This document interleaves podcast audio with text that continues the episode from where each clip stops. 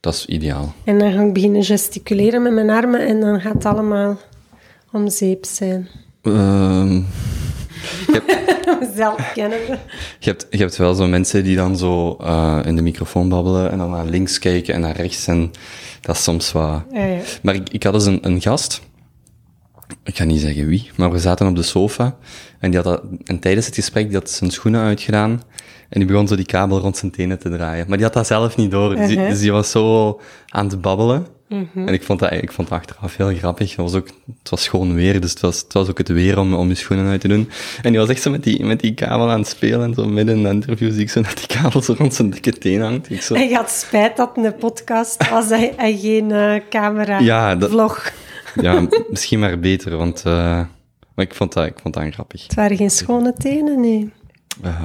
Ik, ga er, ik ga er voor de rest niks, eh, niks meer op zeggen. Wacht, hè. Goed. Lien, hier zitten we dan. Ja, eindelijk, hè, Kobe? Eindelijk, eh, na twee jaar en een half, denk ik, eh, de allereerste keer dat ik u, dat ik u een mailtje heb gestuurd. Hè? Want ik zag, ik zag ergens, zeker van haarzaak.com, of Lien de Pauw, ik weet niet of ik eerst uw naam of eerst zeker van haar zaak ontdekt heb. Ehm, en ik dacht, die ga ik eens een mailtje sturen, want dat is wel iemand aan wie ik een aantal vragen wil stellen. Maar ik ga hiermee beginnen voor de mensen die u niet kennen, ehm, of die u misschien in een heel ver verleden Café Corsari hebben gezien, in een ver verleden. Heel ver verleden, ja. Daar, ehm, voor die mensen ga ik vragen, wie, wie is Lien de Pauw? Ik vind dat altijd zo'n moeilijke vraag, hè? Om dat over jezelf te zeggen. Wie is Lien de Pauw?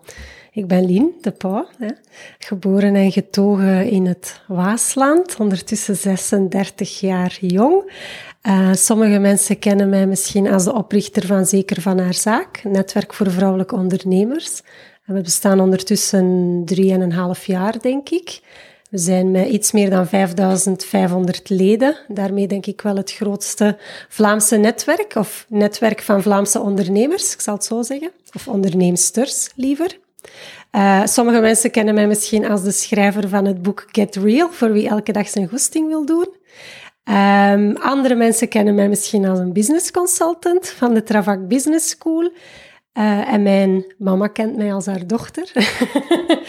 en eh, sommige mensen kennen mij misschien als een digitale nomade.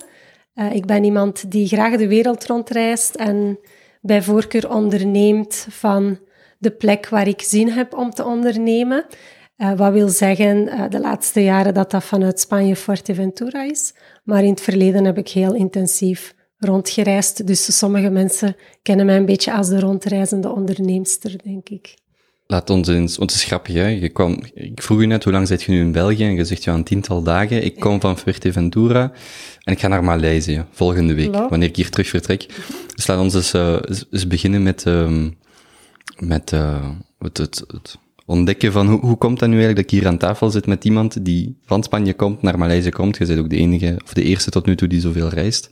Ehm, waar dat eigenlijk begonnen is. Eh, Eh, reizen zit in mijn familie. Mijn grootvader had een busbedrijf en is waarschijnlijk een van de eerste geweest die mensen toen der tijd, gewone mensen, hè, gelijk als jij en ik, eh, op vakantie nam. En in het begin was dat met de bus eh, naar Antwerpen. Hè. Dat was dan een heel avontuur, hè, van het Waasland naar Antwerpen. Dat was een dagtrip, je moest de Schelden over. Dat was allemaal heel exciting. Later werd dat dan trips naar Zwitserland en naar Spanje en zo. Dus eh, mijn moeder, een van de kinderen van mijn grootvader, is geboren op een bus, bij wijze van spreken. Eh, dus reizen zit, zit heel hard in onze familie. En ik heb dat altijd veel gedaan als kind en ook als tiener. Dat is een beetje naar de achtergrond verdwenen na mijn universiteitsstudies. Omdat ja, het leven haalt je dan in. Hè? Dan heb je opeens een job en een huis af te betalen en dat soort van toestanden. En dan heb je geen tijd meer om een maand om op vakantie te gaan. Uh, maar dan een, een zestal jaar geleden is die kriebel terug, teruggekomen om te beginnen reizen. En dat beviel me eigenlijk zo hard dat ik toen op die moment gezegd heb van eigenlijk wil ik daar wat meer een lifestyle van maken. In plaats van ja, dan die ene maand per jaar op vakantie te gaan en dan daarna zeg maar terug te keren naar de realiteit, zoals dat mensen dat dan zeggen. En ik dacht, uh, het zou misschien wel cool zijn moest reizen mijn realiteit kunnen worden. En voilà. Wat heb je gestudeerd? Ik ben industrieel ingenieur in de vliegtuig- en helikoptermechanica Kobe. Dus... dat is een heel lang businesskaartje. Hè? Dat is een groot diploma. Hè? dat is ook wel een goede backup als iemand u vraagt, wat doet jij nu? En oh, ik, ik, ben industrieel ingenieur, inderdaad. Hoe, hoe komt, hoe komt een, een 18-jarige Lien bij, bij die studiekeuze? Um, ik heb technische studies gedaan. Ik heb TSO gedaan. Ik weet niet of dat, dat ondertussen nog zo heet. Uh, dus ik heb geen ASO gedaan, maar TSO gedaan. En vanuit die opleiding was het een vrij logisch gevolg om een soort van, of een ingenieursstudie te doen of een wetenschapsstudie. Welke, welke opleiding was het dan, een TSO? Uh, dat heette, heette, techniek, heette dat techniekwetenschappen. Ja, ik denk dat het mm. techniekwetenschappen, ja, zo heette dat. Dus dat was een combinatie van, van vrij veel um, technische uh, vakken, wetenschappelijke vakken, wiskunde, zeer weinig talen, weinig geschiedenis, weinig dat soort van um, zachtere vakken. En van daaruit was het dan logisch dat je ja, burgerlijk ingenieur deed, industrieel ingenieur deed, iets... Dat is, dat is wel anders dan de, de, het idee. Ik kom ook van TSO, de laatste graad. Maar er zijn er toch niet zoveel burgerlijk ingenieur of industrieel ingenieur gaan, gaan studeren. Dat was toen misschien nog iets anders. Nee, nee, nee, dat was ook wel zo, omdat in de TSO-opleidingen zaten zo, ja, een allegaartje van opleidingen die dan niet binnen het ASO hoorden. Allee, dat was, ik weet niet of dat, dat bij jou het geval was, Kopen, maar als ik jong was, was dat nog zo'n watervalsysteem. Mm. Als je niet mee kon in het ASO, je deed eerst Latijn wiskunde en konde dat niet, dan deden moderne talen wiskunde en ik, konde dat niet, dan, ik dan gezak, uh, gezakte dan af, zo gezegd. Lat, Latijn, economie, wiskunde, uh, informatica beheer. Ja, ja. voilà. Dus, um, en, en nu, ik heb altijd bewust gekozen voor, voor de TSO-opleiding. Ook al had dat een vrij negatieve naam, hè, want dat was dan zo gezegd dat je niet goed genoeg waard voor het ASO.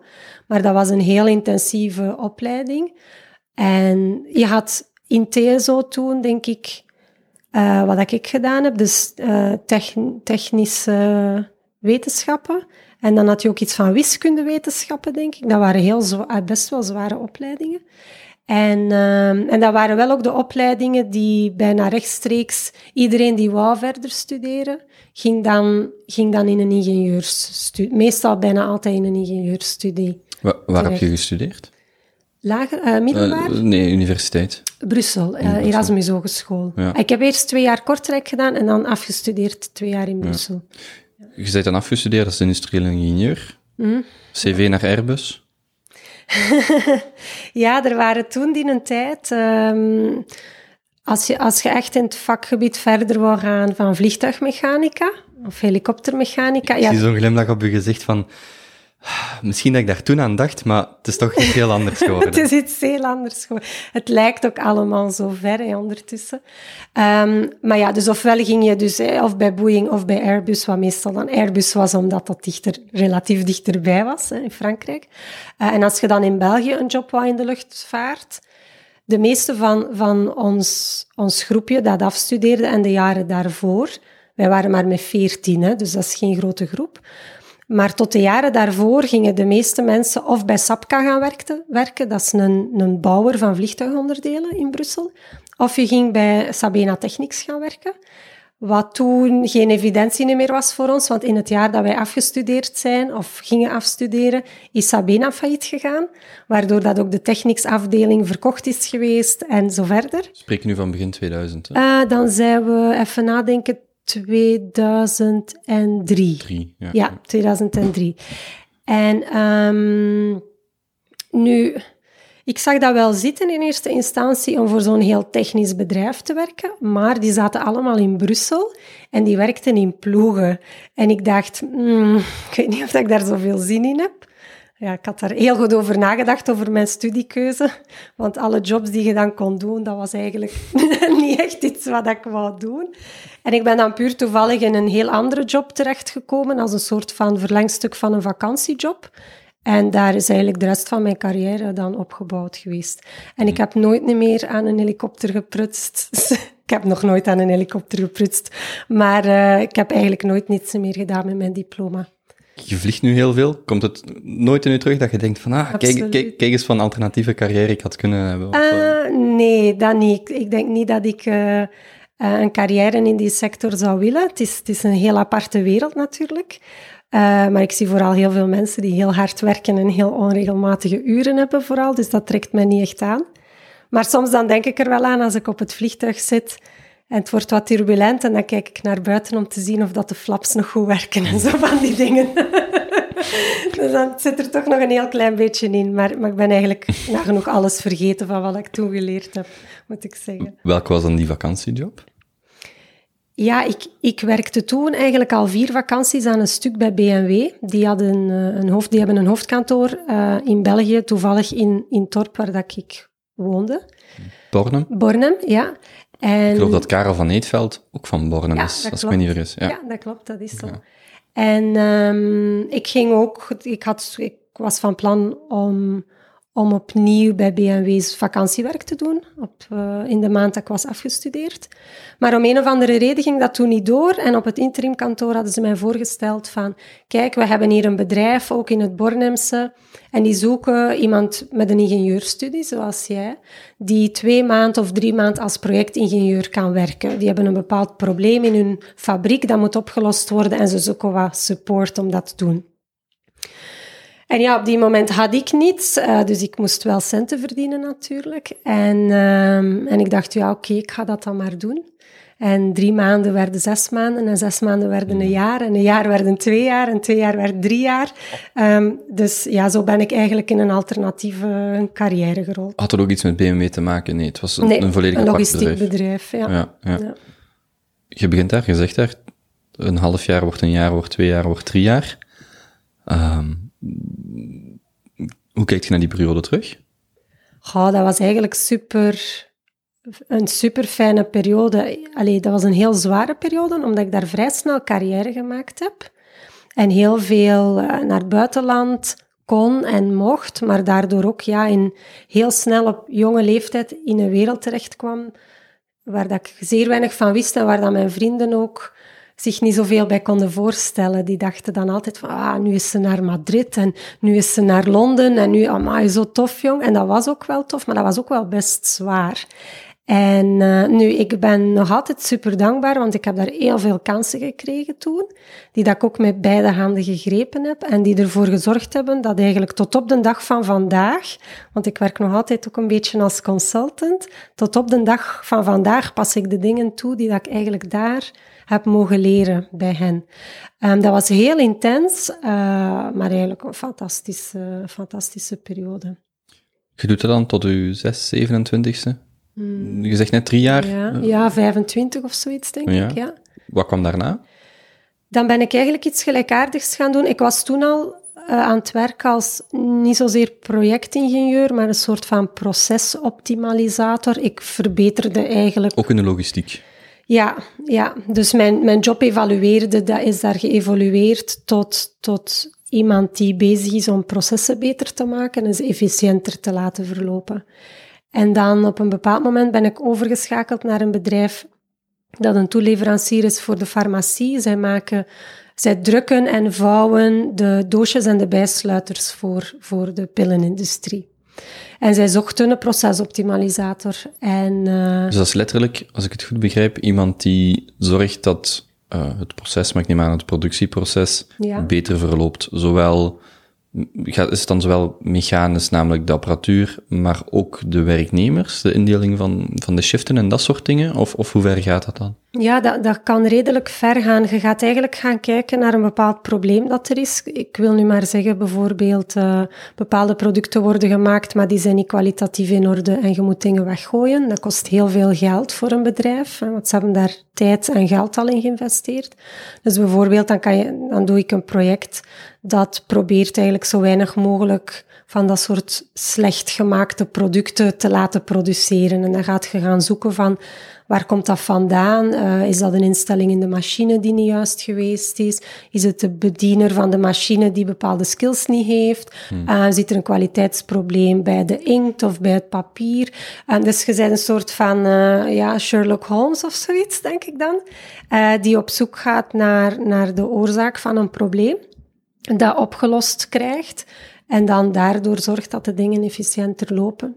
En, en dat je geld bespaart natuurlijk, want daar komt het op neer hè, voor het bedrijf. Ik herken wel veel dingen van die je nu vertelt, die je vandaag nog altijd doet, zij het in een heel andere functie. En Klopt. we gaan, we gaan daar zo dadelijk aan, we gaan uitgebreid hebben over, over wat jij nu doet, maar ik herken wel heel veel. Nu dat ik het u zo hoor vertellen, moest je, moest ik dezelfde uitleg van u horen, of moest ik nu analyseren wat je net verteld hebt en niet weten dat je het als procesoptimalisator gedaan hebt, maar vandaag als, als businessvrouw, als, als uh, zaakvoerder of bedrijfsleider, zit daar niet zoveel, niet heel veel verschil op. Je doet, een, je doet iets anders, maar uh, ik denk de, de manier waarop je het behandelt, het, analytische, de manier waarop je het bekijkt, is toch, uh, je bent nog grotendeels dezelfde persoon als toen, wat dat betreft. Ja, dat is zo. Allee, ik ben nu al acht jaar ondernemer.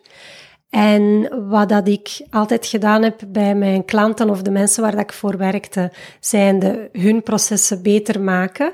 Dat doe ik eigenlijk continu voor mijn eigen bedrijf. Dus ik, ik stel mij continu de vraag van hoe kan ik dat beter aanpakken? Hoe kan ik dat slimmer doen? Hoe kan ik dat automatiseren? Hoe kan ik ervoor zorgen dat ik minder fouten maak? Dat het efficiënter verloopt? En dat zorgt er ook voor dat ik heel veel tijd kan besparen, geld kan besparen, efficiënter kan werken.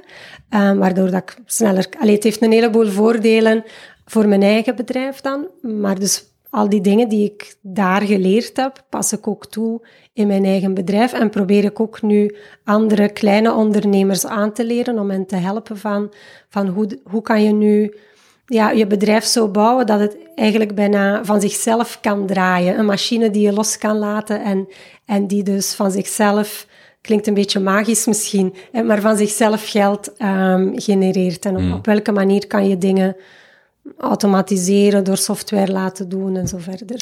Hoe is dan die overstap gebeurd van uh, lean en loondienst naar lean en, uh, als onderneemster? Um, dat was eigenlijk een relatief. Want, want je, bent, bent een procesoptimalisator binnen mm -hmm. dat bedrijf. En hoe is dan uw pad verder gegaan?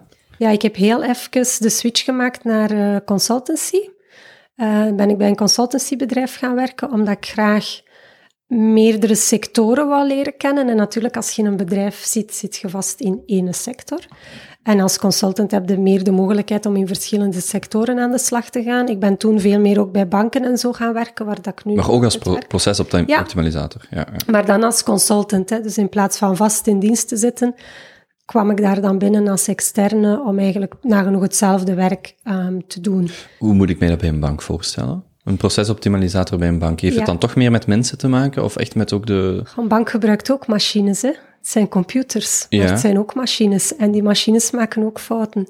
Maar zijn het dan structurele fouten? Zijn het dan, of, of kunt je een voorbeeld geven van een types, of, want ja. je doet het vandaag nog voor banken? Of Klopt. met banken? Um, om je een heel simpel voorbeeld te, te geven, nog, nog, allez, vandaag de dag is dat minder dan vijf jaar geleden. Maar banken, als je naar de bank gaat, of een paar jaar geleden naar de bank ging, werd er nog heel veel met papieren ge, geschoven, van links naar rechts. Hè. En er moest heel veel ingevuld worden en gehandtekend worden. Wat ertoe leidde bijvoorbeeld dat het heel lang duurde voordat je een lening kon krijgen.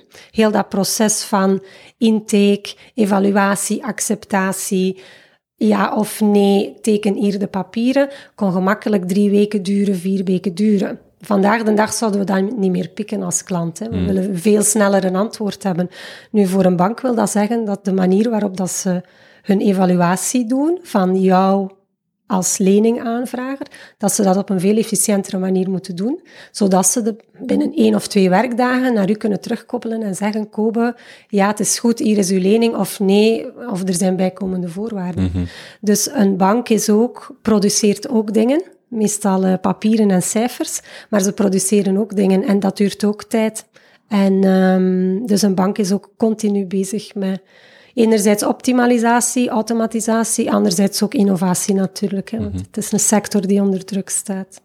Je bent dan als consultant begonnen met wel een loondienst, of had je toen al zelfstandig? Ja, nee, in loondienst. In, loondienst. in 2008. Ik weet niet of je dat nog kunt herinneren, Kobe, 2008. Dat was nogal een woelig jaar.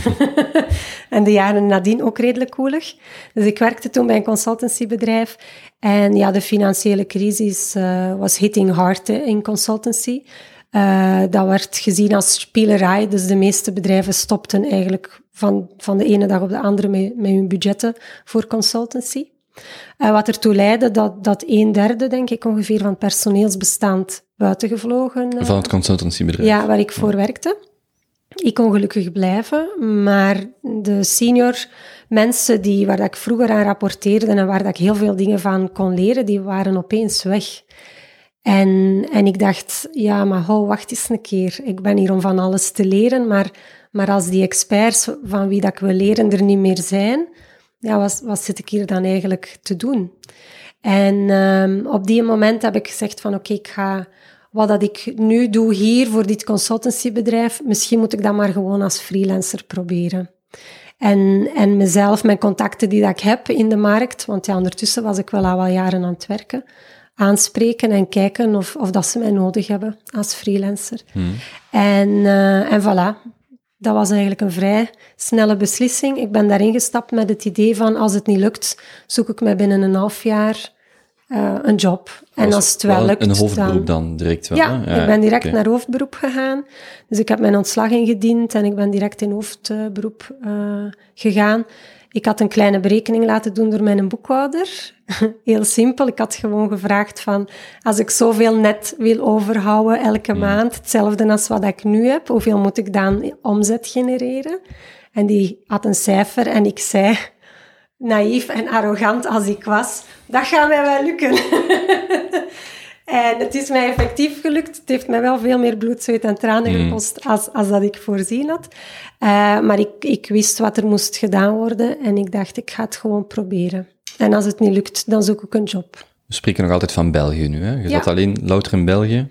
Ja, um, uh, ja, dat klopt. Ik ben wel vrij snel internationaal. Allee, ik, als ik in loondienst zat, deed ik ook al een internationale functie.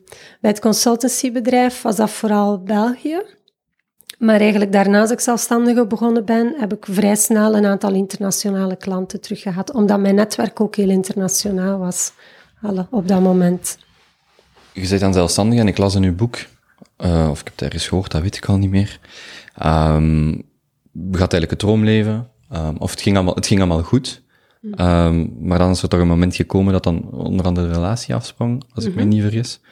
um, is dat allemaal rond diezelfde periode geweest? De, de stap naar hoofdberoep of naar, naar zelfstandige en dan het, het, het afspringen van, of, of het privéleven wat een stukje moeilijker ging, was allemaal die periode?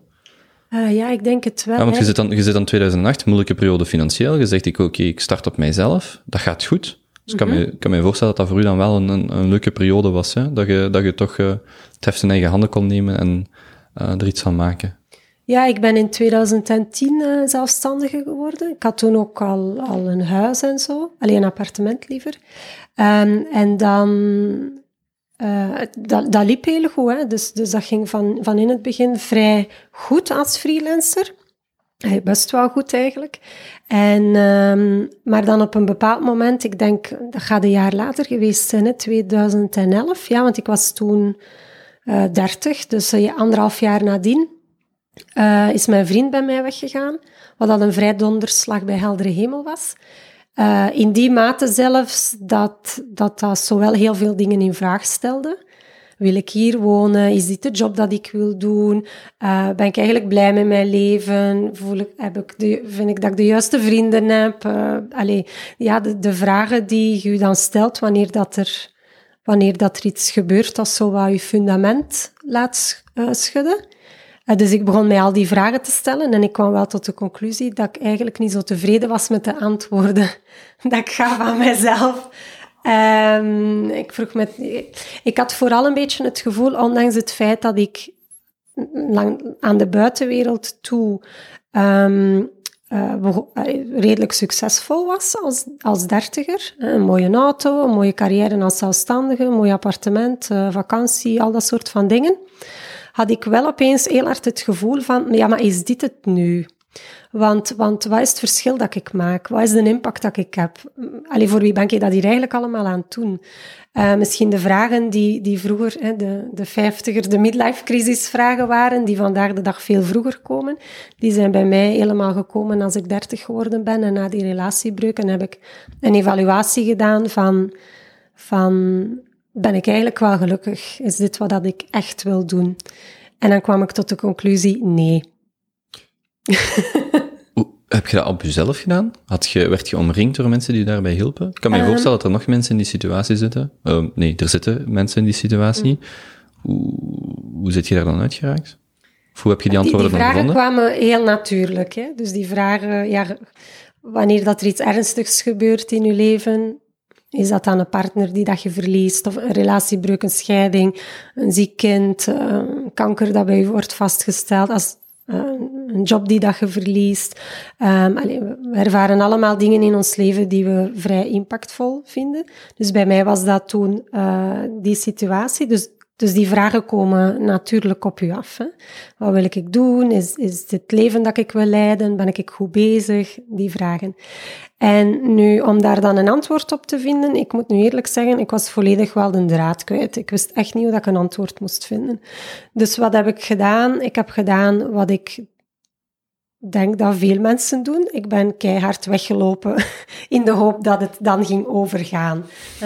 Uh, dus ik ben een maand op vakantie geweest. Ik dacht, ik ga onder een palmboom liggen en kokosnoten slurpen en dan gaat, het wel tot mij komen, wat ik wil doen in mijn leven. Dat was dus niet het geval. Uh, het was een heel goede vakantie, maar die vragen werden wel niet beantwoord. Uh, ik heb ook veel boeken gelezen. Uh, maar boeken blijven natuurlijk boeken. Hè. Dat, is geen, dat is ergens een stuk wel kennis, maar soms heb je ook iemand nodig die je een spiegel uh, voorhoudt. En in eerste instantie om die breuk over te komen, want dat was op, op dat moment mijn belangrijkste um, taak, was dat liefdesverdriet proberen te overleven, ben ik naar een psycholoog geweest die mij daardoor geholpen heeft. Um, die heeft mij niet zozeer geholpen met de vragen van wat wil ik nu juist doen met mijn leven en ben ik goed bezig en, en is dit wat dat ik wil. Maar in eerste instantie gewoon om even terug ja, ademruimte te creëren. Want ja, als je heel veel verdriet hebt, dan kun je eigenlijk over niks echt ten gronde nadenken. Hè. Ja. Je kunt eigenlijk op dat moment niet zo helder denken. Dus dat is de eerste stap uh, dat ik toen gezet heb. Pas daarna ben ik verder beginnen exploreren en mezelf um, gedwongen om meer na te denken over wat wil ik nu eigenlijk echt wel in mijn leven doen. Was het intensief dan, die periode bij de psycholoog? En uh, heb je het dan met intensief bedoel ik een bepaalde periode waarin je de, de dingen in het juiste perspectief kon, kon plaatsen of waar je hulp kreeg. En is dat een springplank geweest naar de rest dan? Of is het echt een continu proces geweest? Heeft het, heeft het lang geduurd uh, voor, je, voor je daar terug bovenop waart? Um, relatief, als het gaat over puur dat verdriet verwerken, dat is eigenlijk relatief snel gegaan. Voldoende snel om er mij terug bovenop te helpen. Ik denk dat dat een aantal maanden geduurd heeft. Het alles helemaal een plek geven en zo verder, denk ik dat misschien wel een jaar geduurd heeft. Hmm. Uh, maar goed, dan was ik er wel echt wel al ook weer bovenop. Um, ik ben wel nog bij haar verder blijven gaan, omdat het wel iemand is die, ja, eens dat je voorbij de eerste shock bent en, en terug op je poten staat, kan een psycholoog je ook helpen met, met andere vragen te stellen. Want ja, hoe gaat je met bepaalde dingen om? Uh, wat zijn uw beliefs dat je hebt in je hoofd? Hè? De dingen die je zelf wijs maakt. Het, wordt, het wordt op een bepaald moment een spiegel naar jezelf toe, van wie, mm. wie dat je bent en hoe dat je reageert op situaties, hoe dat je in het leven staat. Um, dus ik ben daarna wel verder blijven gaan om toch nog een stuk ja, mezelf persoonlijk te ontwikkelen en beter te leren kennen, omdat ik wel wist dat dat, um, dat, dat mij goed ging doen, dat dat goed voor mij ging zijn. Mm -hmm. mm. Vandaag onderneemster zeker van haar zaak, reiziger.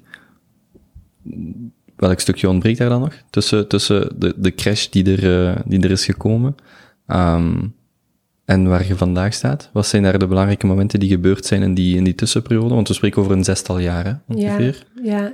Wel, ik, ik wou weten wat ik graag wou doen. Hoe dat, hoe dat ik mijn leven wou invullen. Want tot dan toe had ik eigenlijk altijd gedaan wat de andere mensen van mij verlangden en wat ik ook dacht dat ik graag wou doen. Um, dus ik, ik, ik, voldeed, ik was conform wat je verwacht dat iemand doet tegen dat je 30 bent, 31 Ideale schoondochter. De ideale schoondochter, ja, misschien wel. Ik had, ik had wel geen kinderen, daar zat misschien nog wel een kink in de kabel, maar al bij al, ik, ik deed wel heel goed mee met de maatschappij en, mm. en met wat dat er van jou verwacht wordt als, als persoon in de maatschappij. Maar ik had mezelf nooit niet de vraag gesteld, maar wat wil, wat wil ik nu eigenlijk? En die vraag was toen heel hard naar boven gekomen. En ik ben toen enerzijds beginnen reizen om mezelf tijd te geven om dat te kunnen onderzoeken. Um, ik ben beginnen experimenteren met allerlei kleine... nu lijkt dat zo... Nu ga ik hier zo'n drugsverklaring doen, denk ik nu ineens. Nee, ik ben beginnen experimenteren met allerlei kleine projectjes. Want ik had toen een business en die draaide, maar ik wist op termijn wil ik dat niet blijven doen. Ik, ik voel de dat ik daar... De consultancy dan? Mijn consultancywerk. Of toch niet meer fulltime, uh, dag en nacht daarmee bezig zijn. Ik wou meer impact hebben. Ik wou meer voeling hebben met de impact dat ik creëerde. En ik ben in die tijd, als ik aan het reizen was, gewoon beginnen experimenteren met met andere vormen van, van business, um, voor andere types klanten werken of een ander soort van product. Dus je bent zelfstandig gebleven terwijl je in het buitenland zat, terwijl je in die Ja, ik had mijn consultancybedrijf en dat draaide ook nog. En dat zorgde er ook voor dat ik gewoon kon reizen, dat ik me die een tijd kon, kon kopen, eigenlijk. Daar komt het uiteindelijk wel op neer. Um, werd je niet beperkt in de zin dat je in België, je klanten in België of in Europa zaten? Um, ik kan me voorstellen dat er nog andere zelfstandigen hier naar luisteren en zeggen, ja, ik kan niet zomaar mijn, mijn zaak, zelfs consultant, hè, ik kan het niet zomaar achterlaten om te gaan reizen. Was dat, was dat een obstakel toen? Ja, zeker. Um, ik, ik had toen wel al iemand die bij mij werkte en ik werkte ook met freelancers samen. Dus nu lijkt het alsof dat van de ene dag op de andere mm. dag gebeurd is, maar dat heeft ongeveer een jaar geduurd van Lien de Pauw wil voltijds reizen naar Lien de Pauw is voltijds aan het reizen. Dus ik, ik, wij hadden een volle klantenportefeuille. Dus ik deed nog projecten bij klanten, maar dan probeerde ik ja, daar blokken te creëren waar dat ik vrij was, waardoor dat ik kon reizen. Um, ik probeerde bepaalde opdrachten in onderaanneming te laten uitvoeren. Dus ik, ik probeerde meer en meer een stuk van mijn verantwoordelijkheden bij andere mensen te leggen. Mm. Ik heb er ook een business developer bij gehaald, die dan op freelance basis voor mij verkoop ging gaan doen. Dus ik, dat was mijn eerste ervaring met beginnen uit te besteden. Uh, het was puur uit noodzaak. Ferris tale. ja, hm. ik heb toen ook uh, in dat eerste jaar het boek van Tim Ferriss uh, gelezen over de 4-hour workweek, wat voor mij veel mijn ogen geopend heeft. Um, maar dat is toen op die moment mijn eerste experiment geweest met mijn werk uit te besteden vanuit het idee, ik ga niet meer in België zijn, ik zal ergens anders zijn maar ik wil wel mijn bedrijf behouden. Dus hoe, moet ik dat dan in godsnaam doen? En ik ben in eerste instantie mensen beginnen aanwerven, freelancers, met freelancers beginnen samenwerken. Um, wat een heel goede leerschool geweest is. Ik heb daar veel van geleerd, veel fouten gemaakt. Um, ik zou bepaalde dingen opnieuw doen, andere dingen niet meer doen. Uh, maar dat was mijn eerste ervaring met eigenlijk alles wat ik geleerd had als consultant nu mhm. voor mijn eigen bedrijf toe te passen. Want ik wou mijzelf eigenlijk onmisbaar maken in mijn bedrijf, want dan kon ik reizen. Derek Sivers, heb je die zijn werk gelezen en zijn boeken, CD mhm. Baby? Ja, Daar, daar doet mij nu nog meer aan denken. Ja. Uh, ja. Mhm. Voor de uh, CD Baby, als ik me niet vergis. Ja. Die, daar wil ik zelfs ook nog op terugkomen. Ergens in uw boek schreef je dat ook van... Uh, van ja, ik, le ik leid nu wel, een, ik ga niet zeggen droomleven, maar een leven waar ik, waar ik, waar ik heel veel voldoening uit haal. Maar dat dat inderdaad jaren heeft geduurd. Hè. Dat is, dus dat die ommekeer van, ik ben, ben consultant of zelfstandige, maar ik wil ook reizen, dat dat niet van vandaag op morgen gaat. Hè. Want je, zit dan, je zit dan vertrokken uit België en een hele tijd gaan rondreizen in Azië. Mm um, hoe was die periode? Kunt je daar iets over vertellen? Um, Want je bent dan zelfstandige, dus je hebt nog je, je, je hebt nog je bedrijf in België, waar dat je minder nodig bent dan een jaar of twee jaar daarvoor. Um, en je zegt, ik vertrek, ben weg. Mm -hmm.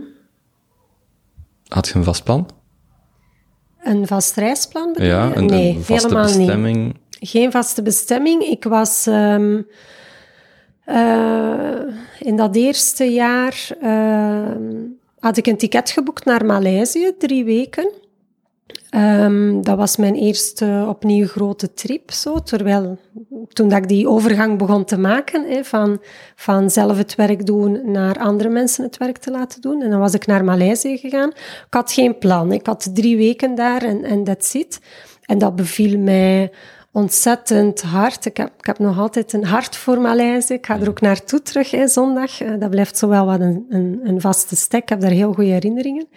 En, um, maar ik, ik ben daar gewoon naartoe gegaan met het idee van, we'll see. En ik heb daar een beetje ja, de toerist uitgehangen, hè, naar zo wat de, hotspots van het land um, geweest. Maar dat beviel mij wel heel hard. En, en ik heb toen wel echt de belofte aan mezelf gemaakt van Lien, um, hier is iets voor u. In de zin van, er is iets voor jou om te ontdekken in het reizen. En ik voelde dat heel hard aan en ik heb toen mezelf beloofd en gezegd tegen mezelf van zoek nu een manier zodat je meer hier kunt zijn. Hmm.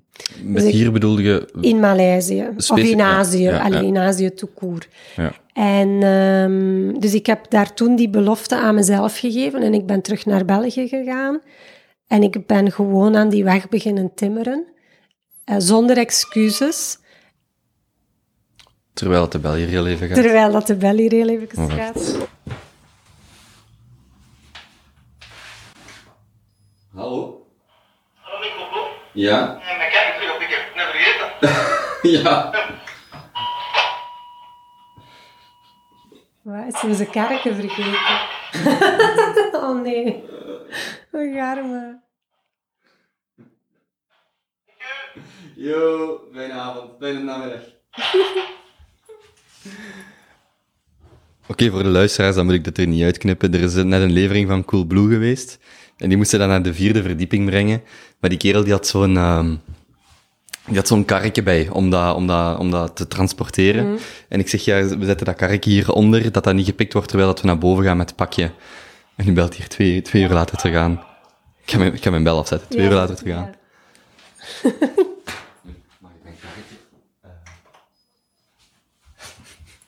Die was ondertussen misschien alleen maar naar Turnhout gereden ja, terug. Oh, stel, stel u voor. ik dacht, dan wordt dat niet gepikt, maar um, ja, goed. Um, Tot zover komen zijn, zijn efficiëntietechnieken. ja, ja, amai.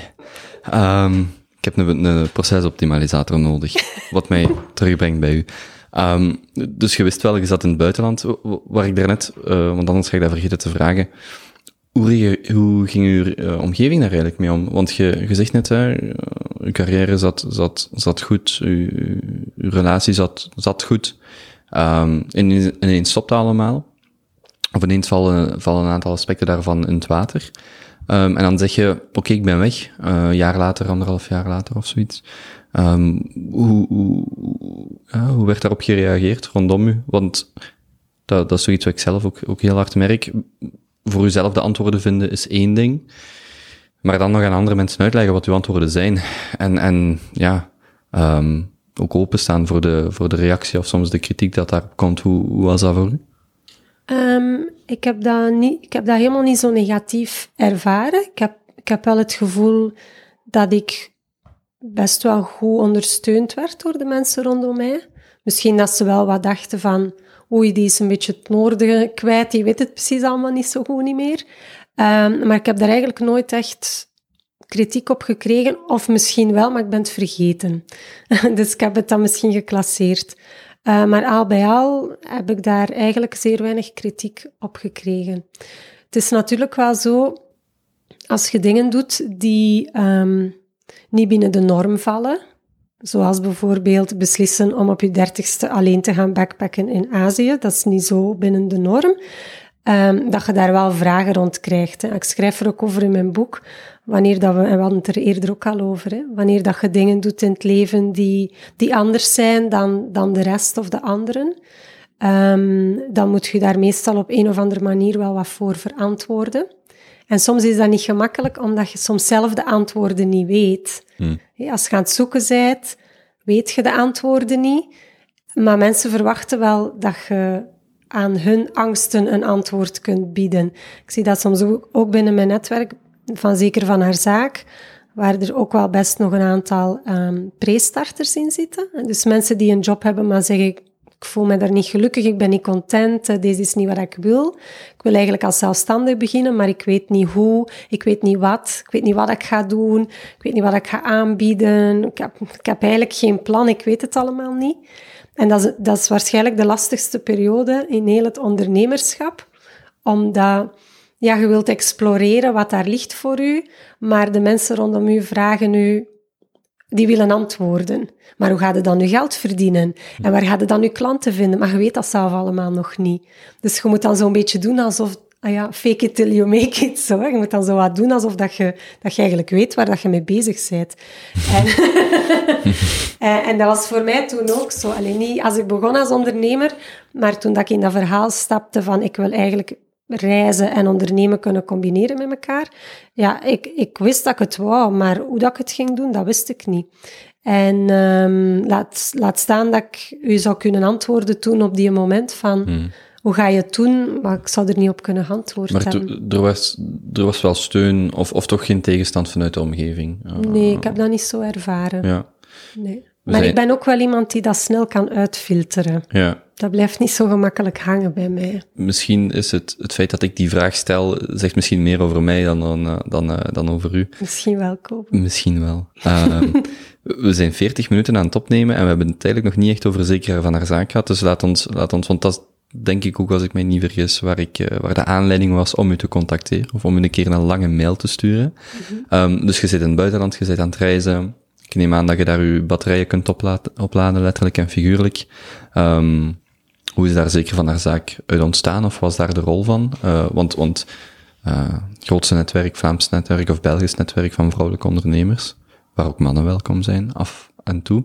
Um, hoe is dat daar ontstaan? Want, van, want van ingenieur naar procesoptimalisator, naar uh, freelancer of, of consultant, naar zeker van haar zaak, is nogal, is nogal een uh, warrig pad. Of een pad met veel bochten. Um, voor mij is dat een heel straightforward pad te komen. Maar ik kan mij voorstellen dat dat voor heel wat mensen een heel hobbelig of warrig pad lijkt. Een, een, bochtige cv, ik zal het zo een zeggen. Een bochtige cv. Ik denk dat dat eigen is hè, aan de creatieve generalist. Uh, een bochtig cv. Um, hoe is dat gekomen? Wel, in die periode, als ik aan het reizen was, wou ik vooral ontdekken wat, wat wil ik nu echt graag doen. Um, nu, ik wist ook wel dat consultancyverhaal, dat, dat gaat op een bepaald moment uitoven of veel minder zijn dan wat het is. Um, maar als je weet, je kunt weten wat je niet wilt, maar daarom weet je nog niet wat je wel wilt. Dus ik ben in heel die periode beginnen experimenteren met hoe wil ik dan wel mijn boterham verdienen. Want ja, ik ben 30 jaar, ik kan niet op pensioen gaan, ik heb de lotto niet gewonnen. Dus ik moet wel nog altijd geld verdienen. Ik heb nu wel even tijd om te zoeken, maar op een bepaald moment ga ik ook wel weer terug moeten werken, tussen aanhalingstekens, voor mijn geld. En hoe wil ik dat dan doen? En dan ben ik beginnen experimenteren. Allerlei ideeën dat ik had, ben ik zo in de markt beginnen zetten. En ik heb dan geleerd hoe dat ik websites moest maken en, en hoe dat ik so social media kon inzetten en hoe dat ik dingen kon uh, automatiseren achter de schermen en dat soort van toestanden allemaal. En um, ik heb een aantal projecten gedaan en de meeste waren niet zo succesvol, ik zal het daarop houden, maar ik heb daar ontzettend veel geleerd. Uh, over market fit vinden, over, over marketing en sales, over procesoptimalisatie als kleine ondernemer. En op een bepaald moment um, waren er twee dingen die meespeelden.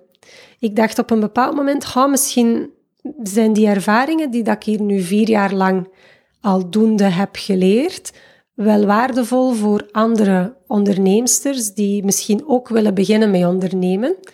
Um, omdat ik heb hier wel veel geleerd over hoe dat je van een idee naar een minimum viable product gaat en van daar naar een verdienmodel gaat, waar dat je zelf je boterham mee kunt verdienen. En ik dacht van, oh, ik wil dat eigenlijk misschien wel delen met andere mensen, want ik denk dat dat waardevol kan zijn. Plus, ik kwam mij ook wat meer omringen, ook met andere onderneemsters, omdat, omdat ik op dat moment wel voelde van, ik pas precies niet zo goed in die ondernemerswereld. Want ja, ik, ik was ook een rare ondernemer. Hoe bedoelt je dat dan? Wel, dat is nogal raar als je een consultancybedrijf hebt dat op anderhalf jaar tijd 200.000 euro omzet draait, om dan te beslissen, ga, weet je, ik weet niet of dat ik dat wil doen en ik ga gewoon een beetje beginnen reizen. Hmm. Um, dat is nogal raar als je zo naar een nieuwjaarsreceptie gaat van een ondernemersnetwerk en je vertelt dat verhaal, dan, dan zijt je een beetje een rare. En ik dacht toen van, ja, misschien ben ik helemaal geen ondernemer. Misschien, ja, ik, ik voelde me daar helemaal niet thuis. Ik, ik vond dat ik een absurd raar verhaal had. Um, want ik wou niet zozeer geld verdienen, ik, ik wou gelukkig zijn. En ik wou mijn bedrijf gebruiken als een manier om, om elke dag mijn goesting te kunnen doen. Om toffe dingen te kunnen doen. Wat toch wel nogal een andere kijk is op ondernemen dan wat dat we gewoon zijn. Waar dat het allemaal gaat over succes wil zeggen. Geld verdienen, groeien, internationaliseren, dat soort van zaken. Uh, maar voor mij was dat helemaal niet wat dat succes was. Dus ik voelde mij een vreemde eend in de bijt al sinds 2010 eigenlijk, als ik ben beginnen met ondernemen, begonnen ben met ondernemen. En ik dacht toen van, oké, ik heb nu al die ervaring opgedaan met al die projectjes die dat ik in de markt heb proberen zetten en manieren om, om daar geld mee te verdienen. Um, ik zoek ook ergens wel met een tribe van andere toffe onderneemsters en zo. Misschien moet ik mijn kennis delen en zoeken naar andere onderneemsters die geïnteresseerd zijn om daar meer over te lezen. Was dat eerst online toen of al direct offline? Nee, dat was online toen. Dus ik had het idee om tien blogposts te schrijven over... Bloggen was toen nog redelijk nieuw, maar ik had een reisblog, dus ik had die ervaring opgedaan. Uh, dus ik dacht, ik ga tien blogposts schrijven waar dat ik alle basics over ondernemen in kan steken. Verdienmodellen en minimum viable product maken en hoe dat je je werk kunt automatiseren achter de schermen, hoe dat je geld kunt, uh, kunt ophalen of zoeken voor, voor je idee dat je in de markt wilt zetten en zo verder. En ik had, dat, uh, ik had die blogs nog niet geschreven, maar dat was mijn idee. En ik heb toen een, um, een persberichtje uitgestuurd, mede dankzij een vriendin van mij. Um, en dat is supersnel opgepikt geweest door onder andere het laatste nieuws, hè, want dat klinkt dan chic. Hè? Um, ondernemen en op wereldreis gaan, het kan, of zoiets. Ik weet niet meer exact wat dat een titel was. En uh, dat is supersnel opgepikt geweest. En ik had opeens, echt letterlijk op een paar uur tijd, drie, vierhonderd e-mailadressen van mensen die die blog wouden lezen. Dat was voordat, de, voordat het online stond. Ja, die, die stond nog niet online. ik had hem nog niet geschreven, Kobe. Ah ja, nee, het is dus niet dat, dat alles al klaar was en dat je dan het persbericht... Nee, je hebt nee, een persbericht Nee, nee, ik had gewoon een landingpage. De aankondiging van de aankondiging, zo. Ja, dus de landingpage zei hè, vanaf midden april tien weken lang online crash course over hmm. hoe dat je je onderneming kunt starten. Ik weet het niet exact niet hmm. meer wat dat erop stond op die landingpage nu noem ik dat een landingpage, maar toen in de tijd wist ik zelfs niet dat dat zo heette, een hmm. landingpage. Maar ik wist wel van, daar moeten dan, mensen moeten hun e-mailadres kunnen achterlaten en ik ga hen dan die blogs, tien weken lang die blogs doormailen. En dat was, dat was het idee. Um, en de website heette zekervanhaarzaak.com.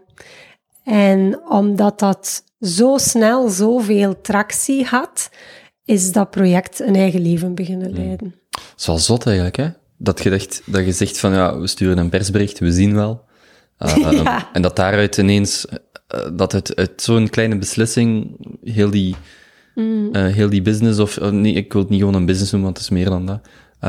maar wat dat daaruit kan groeien, hè? Uit, die ene, uit die ene kleine actie.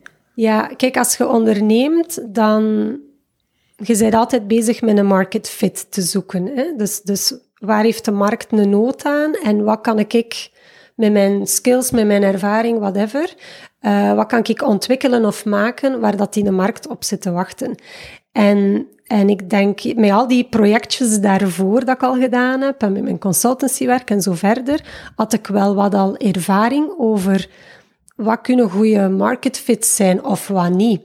En ik voelde heel diep van binnen wel van, volgens mij zit er hier iets. Want de frustratie die ik heb als ondernemer, als vrouwelijk ondernemer in, in het nogal conservatieve Vlaanderen, als ik dat zo mag zeggen, dat kan niet dat ik de enigste ben. Er moeten er nog zijn, hmm. maar waar zitten ze? Want ik vind ze niet bij de klassieke netwerken die dat toen bestonden. En dat was een heel, dat was een buikgevoel, maar wel dat kwam vanuit ervaring van de markt wel wat te kennen.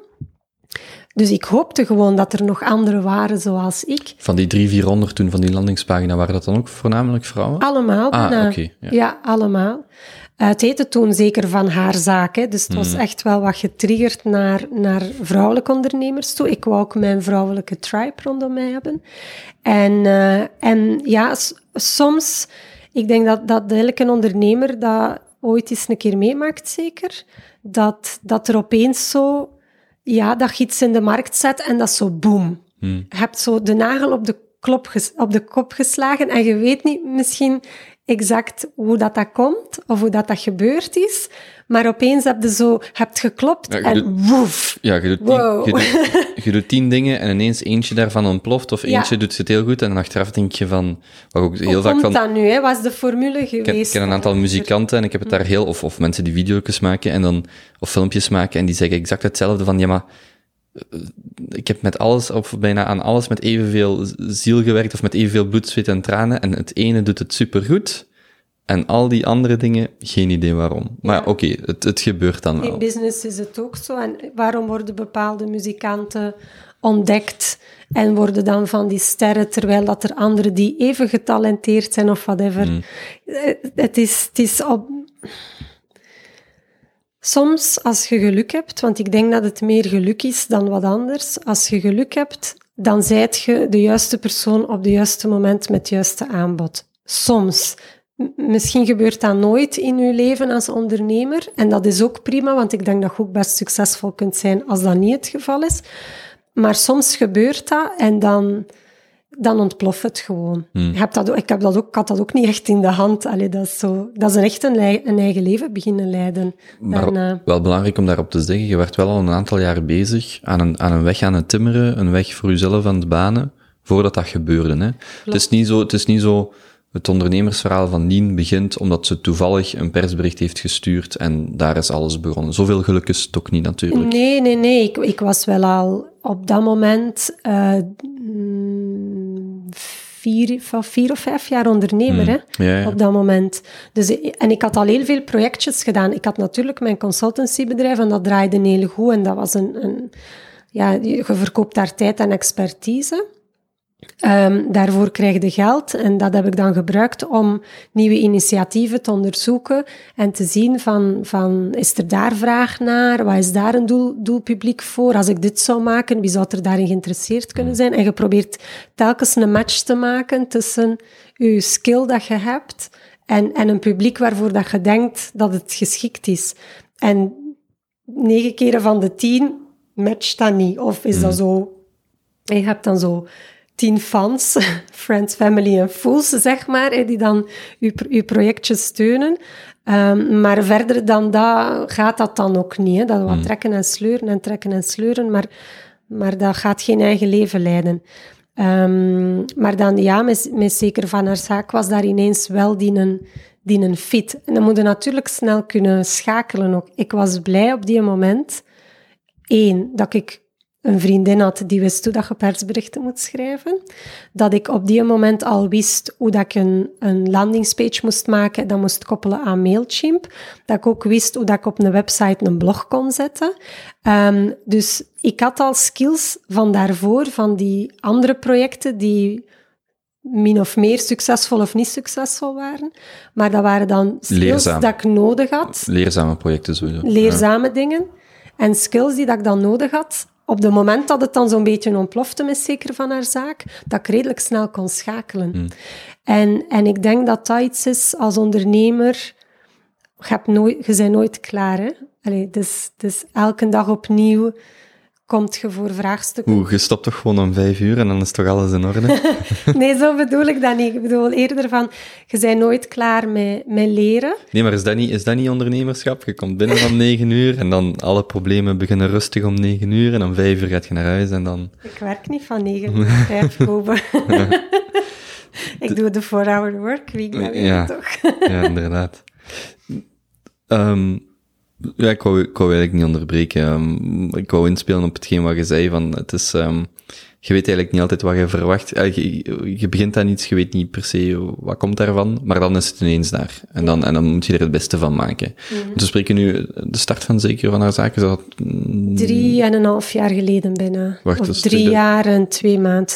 2015, februari 2015. Wat is zeker van haar zaak nu, op dit moment? Uh, en, dus, en, en hoeveel van uw tijd neemt het nu in? Hoe is uw verdeling daar? Ja, best wel veel tijd.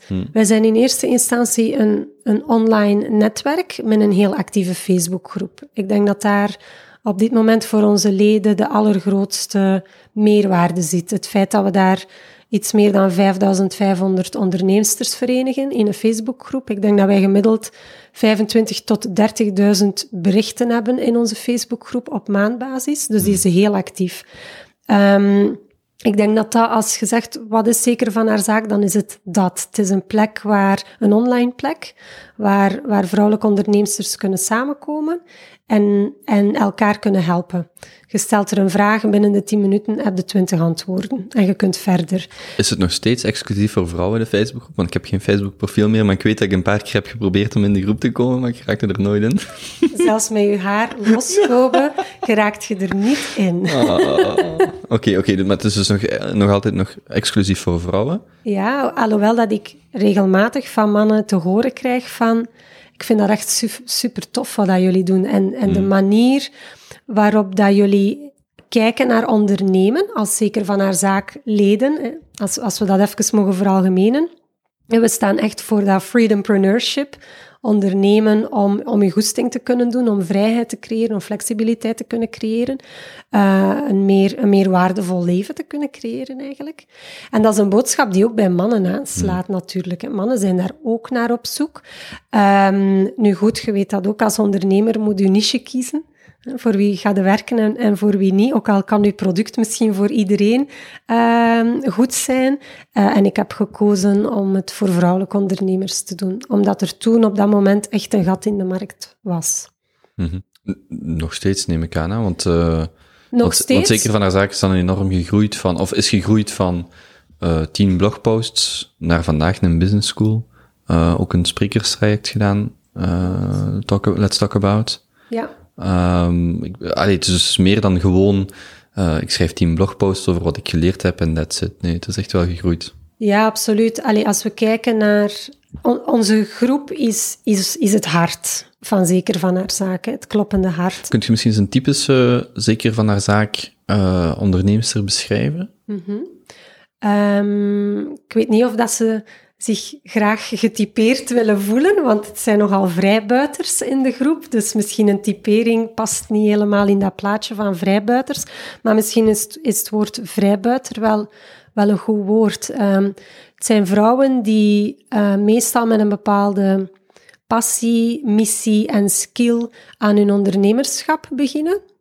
Die zeggen van, ik ben in iets goed dat is mijn passie. Ik ben daar dag en nacht mee bezig. En ik kan daardoor een impact voor mijn klanten hebben. Um, en ik wil daar nu een business van maken. Maar die mag mij niet opslorpen. Hmm. Dus die een business moet dienen om van thuis uit te kunnen werken. Of op een kantoor als ik dat wil.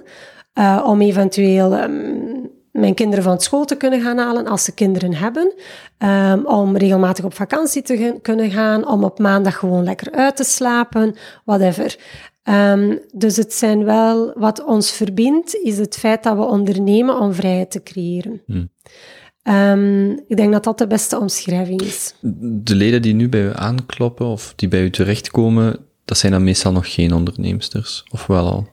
Hangt ervan af. We hebben, eigenlijk onze groep is een beetje 50-50. Hmm. Dus we hebben enerzijds een, een vrij grote en actieve groep van mensen die willen ondernemen en nog heel hard zoekende zijn.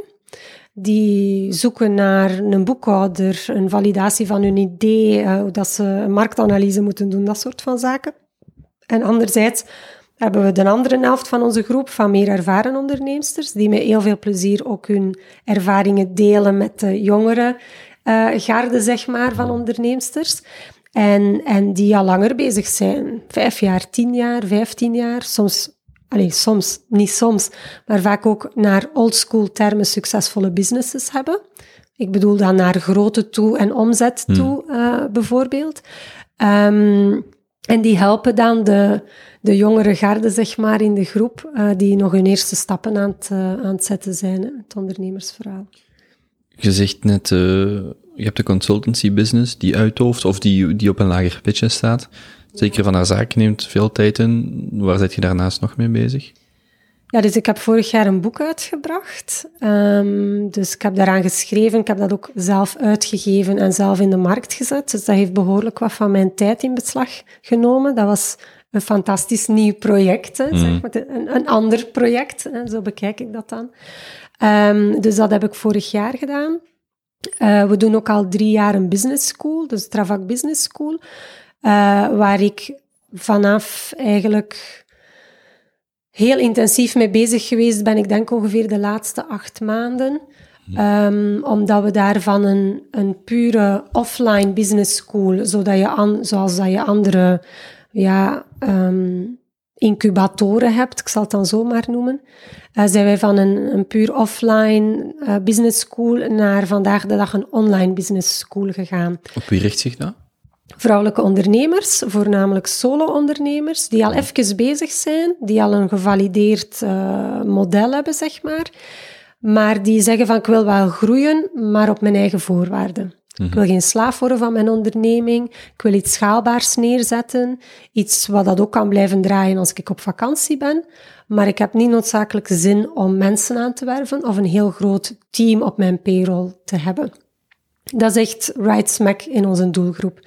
Nu, vroeger hadden we dus een, ehm, een offline business school. Maar eigenlijk matcht dat niet helemaal met onze doelgroep. Want dat zijn goestendoenders die veel flexibiliteit willen, die willen leren op het moment dat zij tijd hebben, goesting niet de hebben. beperkingen van, on, eh, van offline te hebben. Niet de beperking van ik moet op die een datum 's morgens naar Antwerpen rijden en op die een datum 's morgens naar, naar Leuven of weet ik veel waar. Ehm, dus we hebben een online versie gemaakt van die business school, wat helemaal in mijn kraam past als ondernemer en schaalbaar willen zijn en, en dat soort van zaken. Maar wat ook heel goed past binnen mijn doelpubliek, omdat dat dan mensen zijn die die zich ook graag verplaatsen, maar ook graag en meer en meer willen leren op, in hun eigen huiskamer. Op hun eigen de- voorwaarden, Op hun eigen voorwaarden, wanneer dat het voor hen past, eh, op het moment dat het voor hen eh, past. Ik wil daar even op inpikken. Ik heb mij over laatst ingeschreven voor eh, zes zaterdagen een cursus scenario schrijven. Ik ben er na twee mee gestopt, want ik vond dat het inhoudelijk tegenviel. Maar ik dacht ook toen ik mij inschreef, het was niet goedkoop, ehm, van allee, waarom, waarom doen die mensen dat niet online? Waarom doen die, waarom filmen die die, of, allee, of, of op welke manier ze het ook willen aanbieden. Maar de, mm, louter iets offline aanbieden, ik denk dat je daarmee zo je, je markt verkleint. Ehm, in tegenstelling tot zowel iets offline als online te hebben. Want er zijn een aantal cursussen dat ik denk van, nee, dat zou ik... We hadden het voor het gesprek ook over masterclass.com. Ehm, ja, dat je het op je eigen voorwaarden kunt lezen, of leren, of bestuderen. Dat je kunt zeggen, oké, moet daar niet die zaterdag voormiddag zijn. En ik ben dan nog een vrijgezelle kerel. Ik kan me voorstellen als je een gezin hebt, of gewoon al een, een runnend bedrijf, dat, dan pak, eh, dat je zegt van, oké, dat doe ik niet, maar op mijn eigen voorwaarden, online of op een andere manier Ja. dat daar wel eh, heel veel mogelijkheden in zijn en dat dat gewoon veel meer aanspreekt. Ja, dat is ook zo. Allee, ik, ik ben zelf ook zo. Ik leer zelf ook heel veel online. En natuurlijk, ehm, offline heeft ook zijn voordelen. Eh, door het netwerk dat je kunt creëren. Eh, als je een soort van hè, een kleine mastermind creëert van, van mensen. Allee, we hebben nog steeds een offline editie van onze Travac Business School. Dat is met maximum acht ondernemers. En, en daar is het de bedoeling om echt een, een mini-tribe te creëren van gelijkgestemden die samen door het traject gaan en die idealiter nog jaren nadien met elkaar contact hebben. We hebben dat in de eerste en de tweede editie gezien. Ik hoop dat dat bij de derde editie nu ook zo gaat zijn. Maar niet iedereen zoekt dat. Niet iedereen wil één, de prijs daarvoor betalen, want dat komt natuurlijk met een prijskaartje. En twee, is op zoek naar zo'n live tribe. En drie, wil dan of heeft de flexibiliteit of wil zich opofferen tussen aanhalingstekens eh, om s'morgens naar Antwerpen te rijden of whatever. Um, en het feit dat we nu die, die online versie daarvan hebben, we zien ook dat we wel wat een ander doelpubliek aanspreken daarmee. Het zijn nog altijd de vrijbuiters, de goestendoenders, maar degenen die zeggen van, ja, ik wil leren on my own terms. En um, zelf vind ik, het, vind ik het voor mij ook een mega interessant project om mee bezig te zijn, omdat ik al een tijdje ook aan het experimenteren ben met online courses als zijnde ze zelf maken en aanbieden. Um, dus ik vind het ook zelf fantastisch om op die manier kennis te kunnen delen. En uh, we hebben een fantastische derde editie nu. Online is uh, een superleuke groep. Is, die, En- is dat ook een groepje dat samen van start gaat? Of Ja. kan... Ja, oké. Ja, dus je start samen. Eh, tien weken lang doorloopt je online de course. Eh, maar na die tien weken blijf je nog een heel jaar lang toegang hebben tot alle kennis die op het platform staat. En de Facebookgroep waar dat je deel van uitmaakt, die blijft bestaan.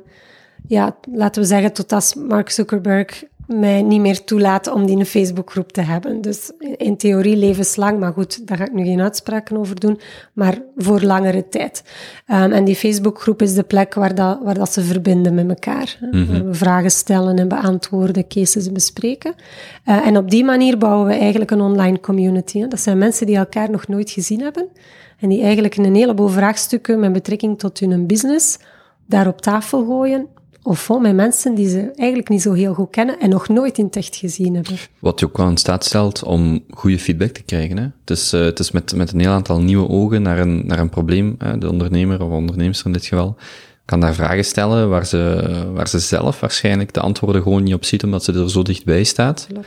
Um, want ik, ik, uh, je werd toen ook betrokken bij, bij mijn 24 uur evenement en dat is mij daar opgevallen. Um, dat de, de, de, de synergie dat op dat, ah, synergie is zo'n ambetant woord, maar het ontstaan op dat moment van mensen die gewoon zeggen, hey, we hebben hier vragen, we hebben hier antwoorden, kom een keer, we gaan daar, we gaan daar samen aan werken. Ik heb mijn expertise vanuit mijn kant, je hebt die vanuit uw kant. Dus die offline component blijft dan wel belangrijk. Desalniettemin is het online gedeelte wel een, uh, voor u een, een belangrijk focuspunt om, om verder te gaan. Ja, ja. Het was een van de grootste vraagtekens die dat we hadden als we, als we naar dat online verhaal gingen. Hè, want je, je gaat van een offline verhaal en daar is het makkelijker. Je brengt mensen bij elkaar. Je kunt die synergieën een stuk, ja, ik ga niet zeggen orchestreren, maar dat, dat is gemakkelijker Hmm. hè, om dat te laten gebeuren tussen individuen wanneer ze elkaar zien en letterlijk een aantal uur met elkaar in dezelfde ruimte zitten.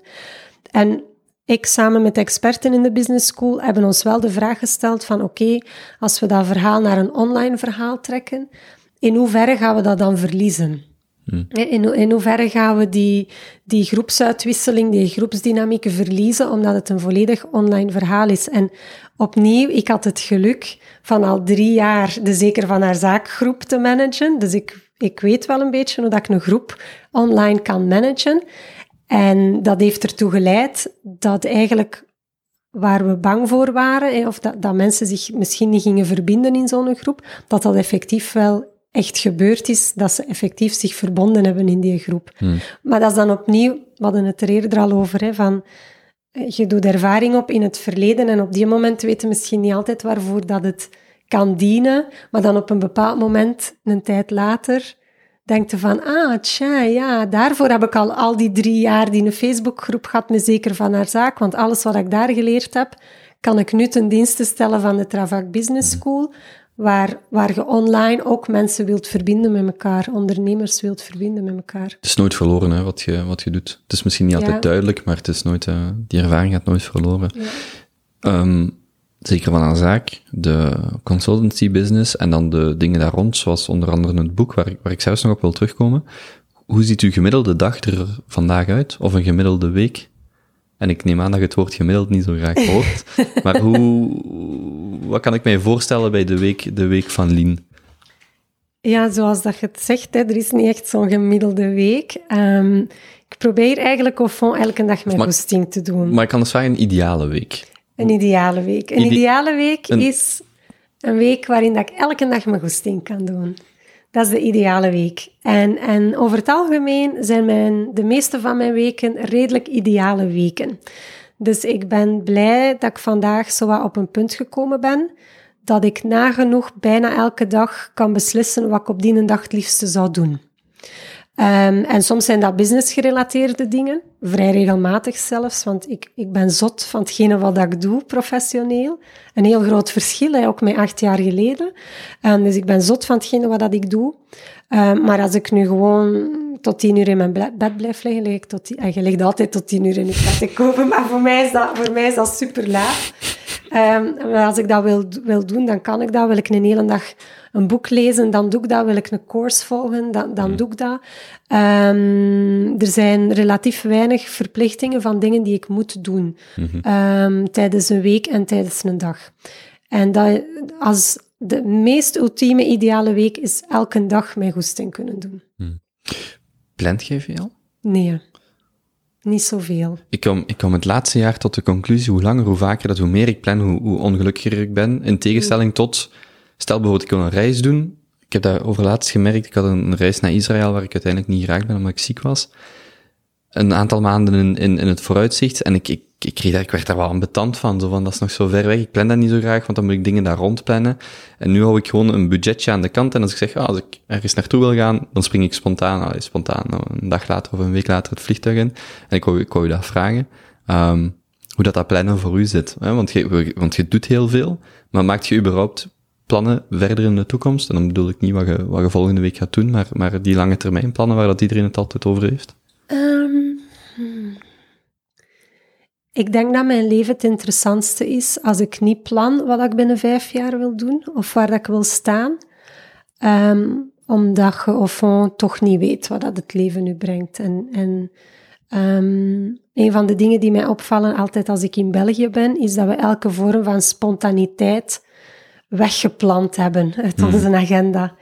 Um, en ik denk dat spontaniteit heel goed is voor, voor je energie, voor je creativiteit, voor je geluksgevoel.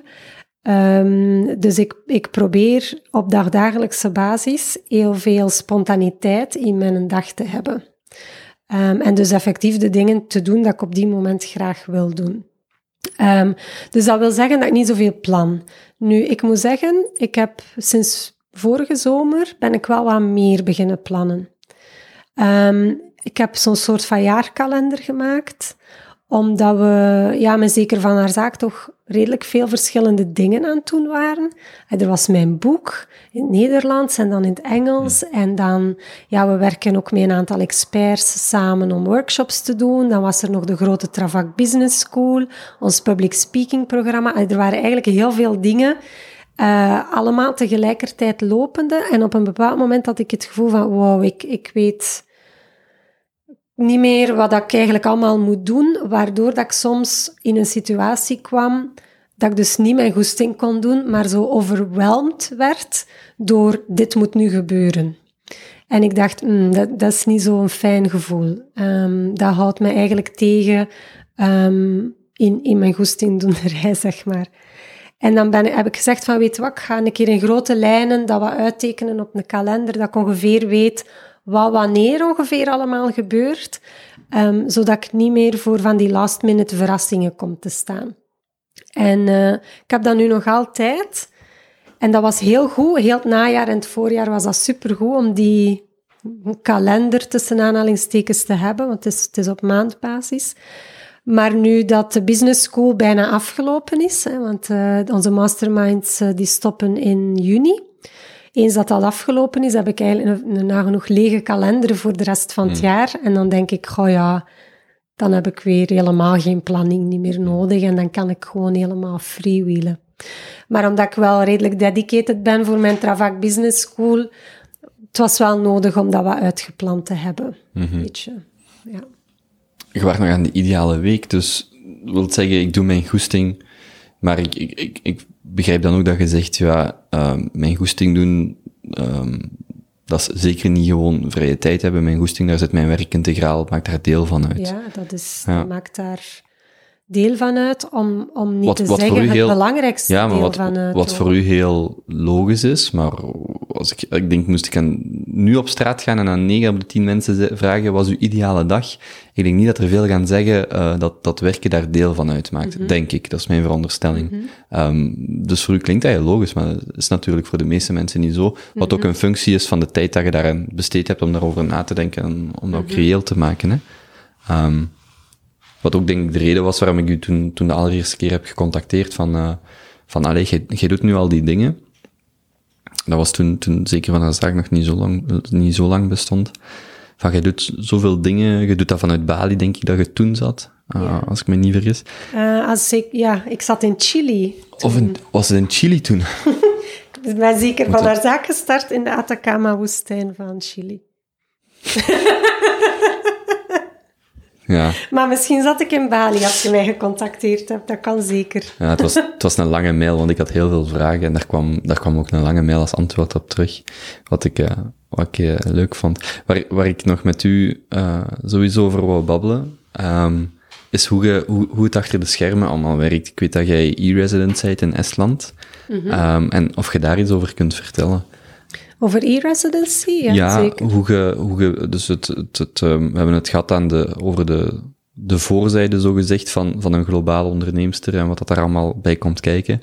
Hoe werkt dat, hoe werkt dat voor u uh, aan de achterkant? Uh, wat ik trouwens ook, waar ik ook uh, gefascineerd door ben, door de mogelijkheden die er vandaag zijn om uw business globaal te besturen. Hè? Om, mm. om alles maar een factuur ergens naar, naar, naar een Aziatisch bedrijf te sturen, wat misschien 50 jaar geleden gewoon niemand deed, omdat het bijna niet, niet haalbaar was, mm. bij wijze van spreken. Dus de achterkant van, van je ondernemerschap, en daarin past dat e-residency ook, waar ik u van wil vragen, van, vertel een keer wat dat voor u inhoudt en hoe je dat regelt. Ja, dus het is gelijk dat je zegt, hè, um, ik ben al, al toch al een aantal jaren nomadisch ondernemer, zeg maar. Hè, dus ik, ik onderneem van eender waar. Nu, vroeger wou dat zeggen ja, je waart in België, je had daar je bedrijf en je klanten zaten in België, dus, dus al uw activiteiten waren daar en dus ook heel de achterkant van uw bedrijf zat daar. Um, vandaag de dag zijn de mogelijkheden ook voor kleine solo-ondernemers zoals mezelf veel globaler geworden. Dus ik kan een bedrijf hebben in België, maar ik kan geresidenceerd zijn in Spanje, terwijl dat uh, ik misschien een Amerikaans paspoort heb, om maar iets te zeggen. Hè. Um, wie daar meer over wil weten, de Six Flags theorie, moet je misschien maar eens googlen. Um, wat vandaag de dag kan voor de kleine solo-ondernemer, is iets wat al langer kan, maar was nogal um, geprivilegeerd voor de rijken. Hmm. die dan he, hun, hun, bankgegevens in Zwitserland hadden en dan twee paspoorten hadden en, en een buitenverblijf in Florida, I don't know what. Hm? Um, dus vandaag de dag is dat perfect mogelijk en zijn ook al die services daar om als kleine ondernemer globaal te ondernemen en klanten te hebben die eender waar ter wereld zitten. Zonder dat jij op diezelfde plek moet zitten of dat uw business by default op die plek moet zitten. Dus technologisch is dat perfect mogelijk. Nu, de Belgische overheid, die kan daar niet zo goed mee weg. Dus die begrijpt dat niet zo heel goed. Om je een voorbeeld te geven, ja, als, je, als ik in, in Spanje ben en ik, ik heb daar een auto, wat in België als ondernemer wil zeggen, die auto is van uw zaak, dus die kosten zitten in uw zaak je kan daar een stuk van, van in mindering brengen. Maar als je dan in Spanje bent als ondernemer en je hebt daar ook een auto, ja, die kosten die kun je niet inbrengen, tenzij dat je in Spanje een klant hebt. Dus dat is een beetje de regelgeving. Als je geen klant hebt in Spanje, zegt de fiscus, ja, maar ja, waarom ben je dan in Spanje? Um, je bent daar op vakantie. En als je daar op vakantie bent, kunnen die kosten niet inbrengen. Hmm. Um, dat is natuurlijk heel lastig als je fulltime op vakantie bent volgens de fiscus, wat niet het geval is, maar je bent eigenlijk fulltime niet in België. Je bent wel globaal aan het ondernemen. Je maakt ook kosten, maar je kunt niets daarvan niet meer in je onderneming steken.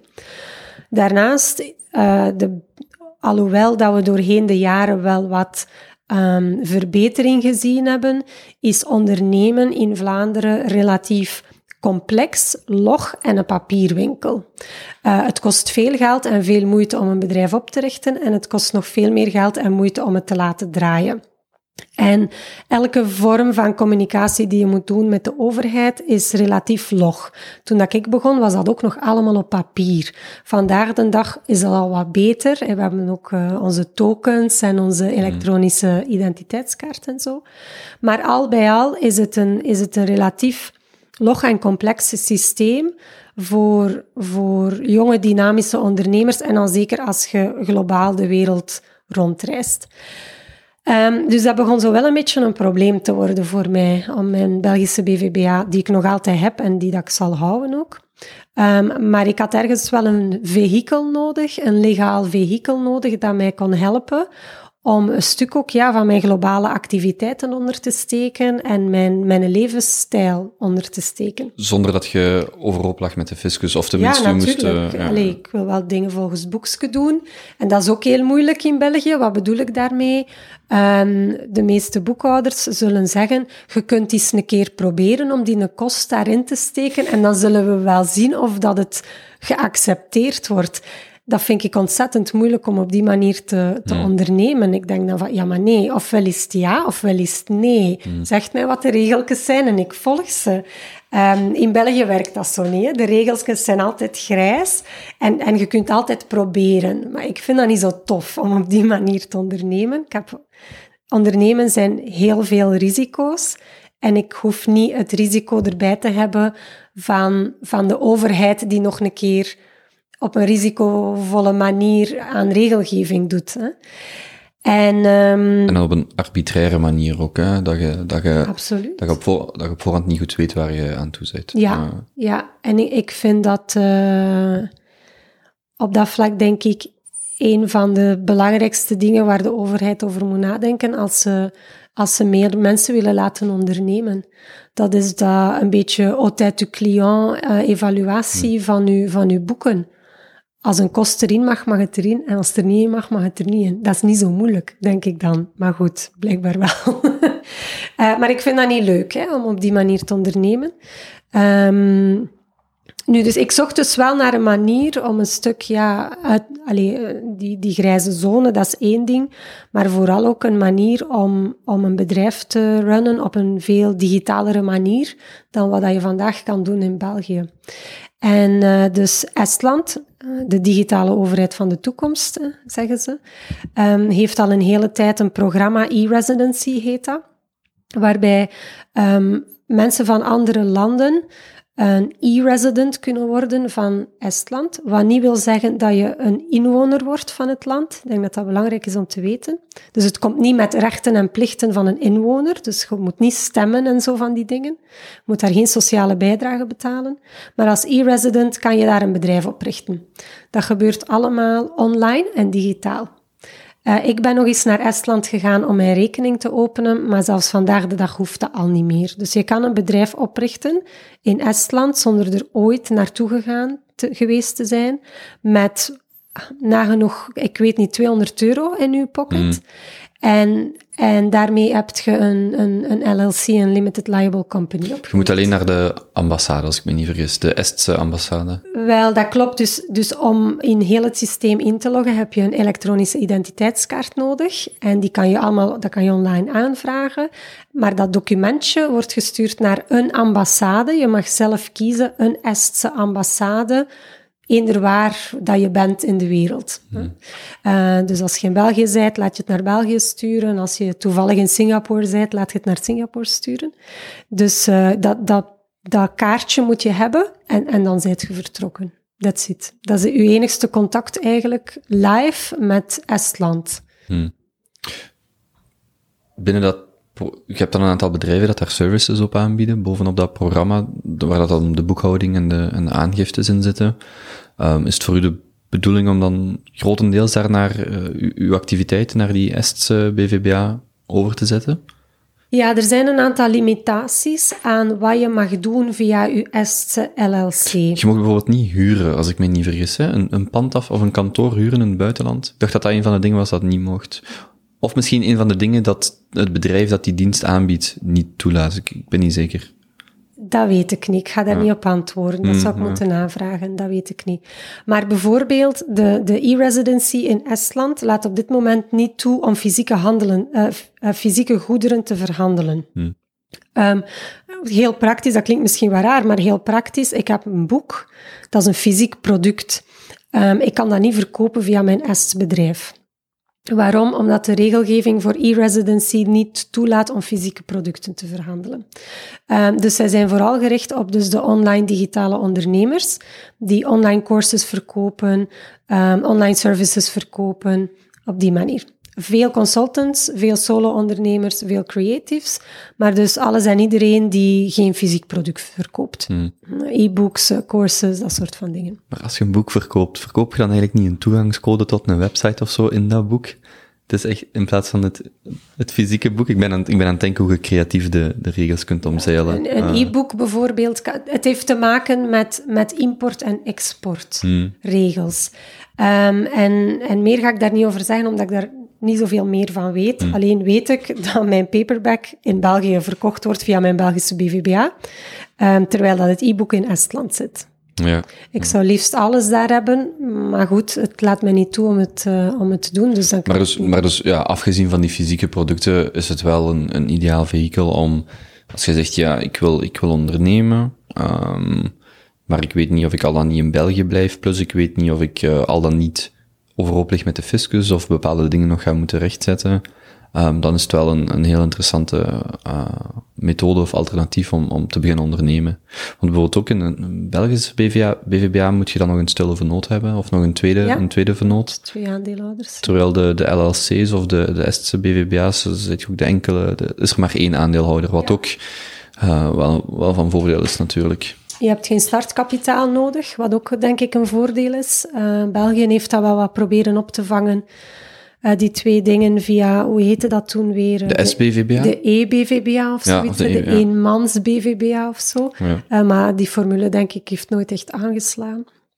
Ehm, dus, dus je kan eigenlijk voor, voor de prijs en de simpliciteit van een eenmanszaak in België, kan je daar een LLC starten. Zo, kan je, zo kan je het zien. Zonder startkapitaal, ehm, zonder complexe regelgeving. ehm, en voilà, met heel doorzichtige eh, belastingsvoeten ook. Hè, want dat is ook zoiets in België. Dat moet ook allemaal maar een beetje ehm, moeten laten simuleren, zeg maar, hè, over hoeveel belastingen dat je dan gaat betalen en zo verder. Dat hangt dan van een heleboel complexe dingen af. Eh, daar is het heel, eh, heel straightforward. Mhm. Dus ehm, Jij zelf woont nu in Spanje. Zij het re- Ja. resident, of eh, hoe heet dat dan, inwoner van de, Spa- ja. ja, van de Spaanse overheid. Dus niet meer, je zit wel in België af en toe, maar je woont definitief in Spanje. ja, mijn adres is daar. Ja. Maar ik, ben, ik heb mijn Belgisch paspoort, hè, maar ik ben resident in Spanje. Mhm. Op Fuerteventura. Fuerteventura, ja. Hoe zit je daar terechtgekomen? Ehm, Of wat houdt u daar? Ik ben daar twee jaar en een half voor de eerste keer terechtgekomen op de Canarische eilanden eigenlijk. Fuerteventura maakt daar deel van uit. Omdat ik wat een base zocht, relatief dicht bij, bij België. Relatief dicht, want het is vier uur vliegen. Ehm, relatief dicht bij België, dan nog Europa is, eh, maar waar dat het wel mooi weer is, heel het jaar door. En dan ben ik een tour beginnen doen in de Canarische eilanden, Fuerteventura terechtgekomen, een stuk voor het surfen. En dan blijven hangen. Ehm, ik heb mijn boek daar ook geschreven. Eh, ondertussen, mijn vriend is ook van, eh, is van Valencia, maar hij woont op Fuerteventura. Ehm, dus dat heeft daar dan ook mee voor gezorgd dat dat dan meer en meer een base geworden is voor mij. En ondertussen, ja, sinds ongeveer eh, eind mei, denk ik, ben ik daar, eind mei 2017, ben ik daar eh, resident geworden. Mhm. Wat ook logisch was, want ik spendeerde al relatief weinig tijd in België. Mhm. Ehm, ik spendeerde misschien op een jaar tijd, anderhalve maand in totaal op Belgische bodem, terwijl dat ik wel nog heel mijn fiscale structuur bijvoorbeeld in België had, eh, wat eigenlijk niet logisch was, want, want ik was nagenoeg bijna niet meer in België. Dus het was logisch om mijn adres naar ergens anders te, te verhuizen. Uw netwerk, of de, de, de vrouwelijke ondernemers die bij u aankloppen, neem ik aan, zijn wel vooral mensen die in België zijn en blijven ook? Of zijn er toch een heel aantal digitale nomaden? Want ik weet, Mm. ik ken het concept natuurlijk vooral van interna allee, mensen die het eh, in internationale context doen. Maar zijn er zoveel Belgen die als, als nomaden, en dan bedoel ik niet constant of fulltime nomaden, maar die dus echt eh, veel rondreizen en hun werk vanuit het buitenland doen, gelijk jij? Ehm, rondreizen minder, maar we hebben best wel wat onderneemsters die bijvoorbeeld in een ander land wonen. Dus die wel van origine Belgisch zijn of Vlaams zijn. Eh, maar die, iemand in mijn Travac Business School woont in Ierland. Iemand anders van mijn Travac Business School woont in Zwitserland. Eh, we hebben mensen die in Mexico wonen, op Bali wonen, eh, op Ibiza wonen. Ehm, Dus we hebben wel, ik ga niet zeggen, dat is geen groot gedeelte, hè, dat is misschien maar een paar procent binnen ons netwerk. Het zijn wel onderneemsters die van origine Nederlandstalig zijn, maar die dus wel vanuit het buitenland opereren. Maar meestal wel effectieve, ehm, zich ergens gezet hebben. Dus die effectief naar een ander land verhuisd zijn en dan daar aan het ondernemen zijn. En, eh, Het is, het is zeker niet zo dat jij de uitzondering bent, de enige eh, Vlaamse bij wijze van spreken die, die dit voor haarzelf heeft gemaakt. Er zijn er, er, zijn er nog andere. ja, Ja. absoluut. Ja. We zijn niet in grote getalen, denk ik, maar eh, ze zijn er wel en ik ben blij dat ze in mijn netwerk zitten. Hoe kijkt je eigenlijk terug op heel die periode, waar je nu ehm, ja, de laatste zes, zeven jaar mee bezig bent? Ehm, hm, Ik wens het iedereen toe. ik denk dat het ehm, voor mij, eh, zoals elk deel van mijn leven, hè, want ik vind, dat, ik vind dat elk deel van uw leven heel eh, veel waarde heeft. Ehm, voor mij is de laatste zes jaar echt wel zo de jaren geweest om te ontdekken van wat wil ik echt graag doen? Waar wil ik mee bezig zijn? Hoe ziet voor mij een ideale dag eruit? En het effectief ook waarmaken. En daar heb ik echt de laatste zes jaar een omwenteling in gemaakt. En ja, ik, ik kan dat alleen maar iedereen toewensen. Ik denk dat heel veel mensen op zoek zijn naar, naar wat ik ge- gerealiseerd heb. Um, ik hoor toch heel veel van, van mensen die, die me vertellen van ah, ik zou dat ook wel willen doen, of ik zou toch liever dat doen, of, of ja, ik zit vast in die job, maar ik zou toch zo graag dit doen, of, of eh, ik ben aan het ondernemen, maar ik ben er een beetje slaaf van geworden en eigenlijk wil ik meer vrijheid, want ik wil in de zomer twee maanden naar Frankrijk kunnen gaan bijvoorbeeld, ik zeg maar wat. Um, dus ik probeer wat ik geleerd heb van die voorbije zes jaar ook te delen met mijn netwerk. Maar zo'n transitie doormaken, ja, dat is ook niet zo simpel. Hè. Je moet een stuk ja, keuzes durven maken, een beetje anders doen dan de rest, een beetje contrair doen. Uh, dat is niet altijd even evident. Hè. Allee, het is niet altijd even gemakkelijk om, om je eigen keuzes te maken, heel bewust, en, en om daarachter te staan en die te verdedigen en je eigen pad te bewandelen. Hmm. Ik denk dat dat de uitdaging van het leven is. Ik wou je zeggen, voor mij zit een, een, een gelukkige vrouw met een bruin tintje ook van de zon. wat, wat brengt de toekomst nog voor u? Geen idee. Ik- dat weet ik niet. Ik, ehm, Zitten er nieuwe projecten in de, eh, in de pipeline? Dingen die eraan komen? professioneel. ehm, ik heb het gevoel, eh, we zitten nu aan de derde editie van de, van de Travac Business School. Eh dus derde jaar op rij. En ik heb wel het gevoel van, van dit is, dat klinkt misschien wel raar, maar dit is mijn beste werk ooit. en ik hoop ehm, nog veel meer onderneemsters via die business school te kunnen helpen om, om meer flexibiliteit in hun ondernemerschap te gaan creëren. En een stuk dingen op automatische piloot te zetten, waardoor dat ze meer vrijheid krijgen. Ehm, dus ik hoop en ik verwacht dat dat de komende jaren nog wel wat mijn, mijn kapstok gaat blijven. Ehm, dat is iets wat ik, wat ik echt heel graag doe. En waar ik heel blij mee ben. En waarvan ik het gevoel heb dat ik impact kan hebben en een verschil kan maken. En, en, en dat, ja, dat mensen daardoor een cooler leven voor zichzelf kunnen maken. Want dat is de, dat is de biggest reward. Hè? Uh, wanneer dat je ziet dat mensen contenter zijn met het leven dat ze hebben dankzij die twee of drie skills misschien dat je hen hebt aangeleerd. Um, Daarnaast ben ik, ja, ik ben een creatieve generalist. Hè, dus ik heb altijd heel veel ideetjes en plannen en toffe dingen dat ik wil doen.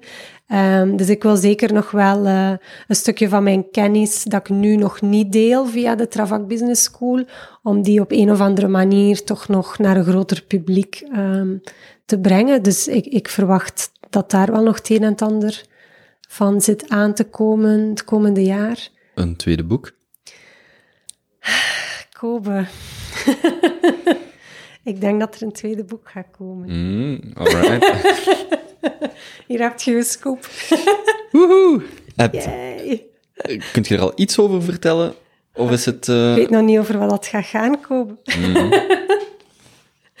ik weet het niet. Mijn eerste boek, of mijn boek, uh, Get Real, vertelt een stuk het verhaal over, over hoe dat je kunt... Um, ontdekken wat dat je missie is in het leven, hè, wat dat je echt graag doet, en dan ook hoe dat je er een boterham mee kunt verdienen. Dus, dus, want daar komt elke dag je goesting doen op neer. Hè. Dat is dat je elke dag iets kan doen wat je super graag doet en geen financiële stress hebt. Iedereen kan elke dag zijn goesting doen, maar er moet ook geld op de rekening komen, hè? want elektriciteit kost geld en een huis kost geld en zo verder. Dus, dus daar ging mijn eerste boek over. Van, kijk, hier zijn een aantal skills die mij geholpen, of tools die mij geholpen hebben om, om te ontdekken wat ik echt graag wil doen. En dit zijn een aantal tools die mij geholpen hebben om daar dan een business van te maken. Um, wat dat ik heel vaak terugkrijg, of wat dat ik zie, Um, wanneer mensen de concepten van dat boek beginnen toepassen. Dat is, en ik heb het er een heel klein beetje over uh, in Get Real, maar dat is over de, de mentale kant van het verhaal. Hmm. Niet durven kiezen. Uh, bang zijn voor, voor de repercussies. Wat gaan andere mensen van mij zeggen? Um, ga ik, um, wat gaat er gebeuren als ik er niet in slaag? Ben ik dan een loser? Iedereen gaat mij uitlachen. Allee, zo die, die overtuigingen die dat we hebben. En uh, voor mij, ik praat daar niet zo heel veel over in het boek. Ik heb het over drie hm. strategieën, uh, hoe dat je daarmee kan omgaan. Uh, maar ik voel wel meer en meer de goesting om misschien daar een keer wat uitgebreider iets over te zeggen. Over hoe dat je brave kunt zijn, hoe dat je moedig kunt zijn. Staat er een 2018-jaarplan? Nee. Nee. nee, absoluut niet. Nee, absoluut niet. Um, nu, het is gemakkelijk om tegen mensen te zeggen van, van je moet zelfvertrouwen hebben, je moet in je eigen geloven. Um, maar, maar eigenlijk, dat, dat is advies waar iemand die niet in zichzelf gelooft, gelooft niks aan heeft. Mm. Wat heb je daaraan dat iemand zegt, je moet in je eigen geloven? Je weet dat, dat je dat moet doen. de vraag is, hoe moet je het doen? Als je aan het verzuipen bent, moet je niet zeggen, zwem wat harder. Hè? Ja, voilà, voilà. Dus, dus um, um, ik heb daar mijn eigen kijk op. ik heb over heel veel dingen mijn eigen kijk. Ook hier heb ik mijn, zeggen. mijn eigen kijk op. En, en, en ik denk wel dat er doorheen de jaren wat dingen zijn die ik geleerd heb en tools die ik gebruikt heb om mij te helpen om op bepaalde momenten moediger te zijn of moedigere keuzes te maken. Um, dus misschien wil ik daar wel iets over hmm. zeggen. Misschien, maar ik weet het nog niet. Misschien. Je zit te lachen naar mij. Misschien, I don't know, ik weet het nog niet. Niet in 2018, dat kan ik al wel zeggen niet op de planning. Ik heb geen tijd. Ik ben heel benieuwd. Um, mag ik u nog een paar snelle vragen stellen? Uh, Rapid fire questions, zou Tim Ferriss zoals, zeggen, Zoals de meester zelf uh, ze noemt. um, even kijken waar ik ga beginnen. Mm, mm, mm, waar stoort je het? Waar stoort je je mateloos aan? Waar stoort je je hart aan? Aan mensen die nu hun verantwoordelijkheid nemen. Waar komt dat meest tot uiting? Overal. Uh, mensen die niet hun leven in handen nemen, die de schuld van een probleem bij een ander leggen, niet begrijpen hoe ze zelf zoveel impact kunnen hebben op hun eigen leven en op dat van anderen. Uh, en daardoor, denk ik, de kans missen om, om grootste dingen te doen. Grootste dingen doen. Welke raad zou je 18-jarige zelf geven? Doe maar verder. 25-jarige zelf? Doe maar verder. Mhm. Probeer maar, speel maar, doe maar. Kijk wat er gebeurt. Leert, experimenteert. Hmm. Go for it. Als je terugkijkt, wat was de meest leerrijke periode in je leven? Elke periode is leerrijk, vind ik. Um, ik vind de voorbije jaren wel heel waardevol geweest. Uh, ik denk dat ik eindelijk zo wat volwassen geworden ben ook. Um, en, en dat heeft er wel toe geleid dat ik mij veel, hmm, hoe moet ik het zeggen, beter in mijn vel voel, contenter voel. Dus dat, dat is wel heel waardevol. Hè. Uh, op dat vlak zou ik misschien geen tiener niet meer willen zijn. Maar langs de andere kant, tiener zijn heeft ook al zijn voordelen, denk ik dan. Dus ik vind elke periode... Je gaat mij nooit horen zeggen... Ah, de studententijd was de schoonste periode van mijn leven. Mm. Of ah, als ik nog maar een kind was. Elke periode is, is fantastisch. Maar het enige wat al van belang is, is vandaag. Hè. Nu goed hebben. Hè. Nu content zijn, dat is het belangrijkste. Mm. Hoe komt u tot rust? Mm, lezen. Sporten. Surfen natuurlijk. Yoga. That's it. Ze zegt lezen. Daar ben ik natuurlijk ook heel in geïnteresseerd.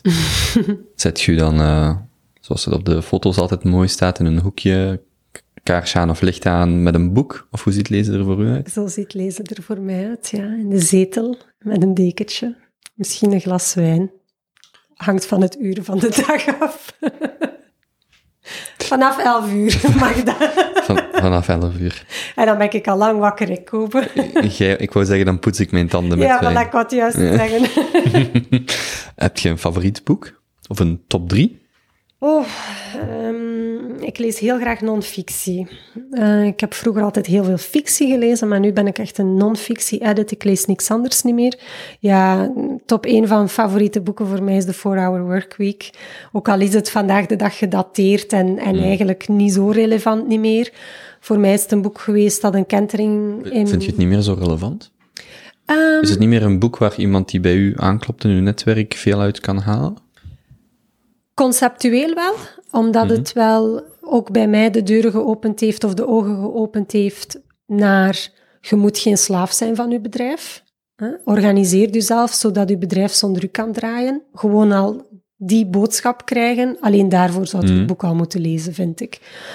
De praktische tips die er zijn, hè, als het heeft over dropshipping, als het heeft over VA's, dat soort van dingen, dat is een beetje gedateerd. Hè. Vandaag de dag is, is op tien jaar of elf jaar tijd, want het boek is elf jaar geleden uitgekomen, Ehm, op elf jaar tijd is de wereld veranderd.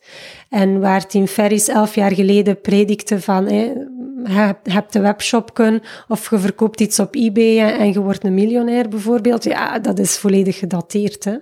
Eh, toen der tijd was dat misschien zo, omdat er misschien 100 man op eBay iets verkocht. Maar vandaag de dag verkoopt er 800 miljoen man op eBay iets of zo. Enfin, ik ken de cijfers nu niet, maar eh, om maar te zeggen, de spelregels zijn veranderd. Hè. Het, is, het is niet meer omdat je online aan het ondernemen bent, dat de sky the limit is. Eh, we denken dat een beetje vandaag de dag in België. Hè. Online ondernemen is hip en trendy en we springen er allemaal op tegenwoordig. Eh, maar weet wel dat de gouden tijden voorbij zijn. Er valt nog heel veel te rapen online, zeker in België. Ehm, maar het echt leveragen van het internet, dat, dat is voorbij, commercieel. Dat, eh, dat komt niet meer terug. Wachten op iets nieuws. In die top 3 staat dan nog? Mm, als het gaat over limiting beliefs, denk ik eh, Playing Big van Tara Moore. Ik weet niet of dat je dat boek gelezen Nee. hebt. Amerikaans, het is de vrouw van Eric Ries. Die ken je misschien wel, van, de eh, Lean Startup. Ja, ja. Eh, Tara Moore heeft een boek geschreven, Playing Big, redelijk ge- getarget naar vrouwen. En dat gaat over limiting beliefs. Dus dat gaat over alles wat we onszelf wijsmaken in ons eigen hoofd, dat ons tegenhoudt om grootste dingen te doen. Ehm, ik vond dat een eye-opener. Eh, een heel interessant boek om te lezen, omdat we dat allemaal hebben. We hebben allemaal eh, een lang speelplaat die afgaat in ons hoofd wanneer dat we dingen willen doen die wat groter zijn dan ons, onszelf. Hè. We gaan vaak tegen onszelf zeggen, ik kan dat niet, wie ben ik om zoiets te doen, ik ben niet goed genoeg, ik ben niet slim genoeg, ik ben niet dit genoeg, ik heb niet dat genoeg, et cetera, et cetera, et cetera. Iedereen heeft zijn of haar eigen papegaaitje op de schouder of duiveltje op de schouder die ons wijsmaakt alle dingen waarom dat we iets niet kunnen doen. En dat boek gaat daarover en hoe dat je daarmee kunt omgaan. Dat vind ik zeer interessant. Ehm, pardon. Beetje gebaseerd op, eh, op onder andere ehm, NLP en zo. Hmm. Ehm, dus dat zal misschien op nummer twee staan. En ik denk op nummer drie een boek over geld. Ik heb er een aantal eh, dat ik graag gelezen heb. Ehm, ik ben zelf niet zo. ehm, ik ben niet opgevoed met kennis over geld. Dus ik, ik heb daar altijd zeer weinig over geweten, ook als ik al ondernemer was. Ehm, het is pas de laatste jaren dat ik veel bewuster daarmee bezig ben. Ehm, van, van wat is geld, wat is investeren, hoe kan ik investeren, moet ik investeren, in wat moet ik investeren, Ehm, dat soort van dingen. Eh, dus ik zal zeker een boek aanraden dat u kan helpen. Ofwel uh, lees Rich Dad, Poor Dad als het gaat over, je hebt nog heel veel om mee te worstelen rond money beliefs en Hmm. waarom dat jij geen geld zult kunnen verdienen en een ander wel. Ehm, dus dat is een interessant boek, denk ik, als je ergens moet starten in je geldtraject, om het dan zo te noemen. Ehm, ik ben nu een boek aan het lezen dat meer in de diepte gaat over, over investeren. Welk? Met de extreem cheesy titel, genaamd ehm, eh, self, eh, Tips for self, from a se- Secrets of a Self-Made Millionaire. Nee, De schrijver is Adam Ko, eh, KHOO, Singaporees, Chinees denk ik. Ik denk dat hij van de diaspora is. Ehm, dat is een boek, ook een beetje achterhaald, want het is al wat oud.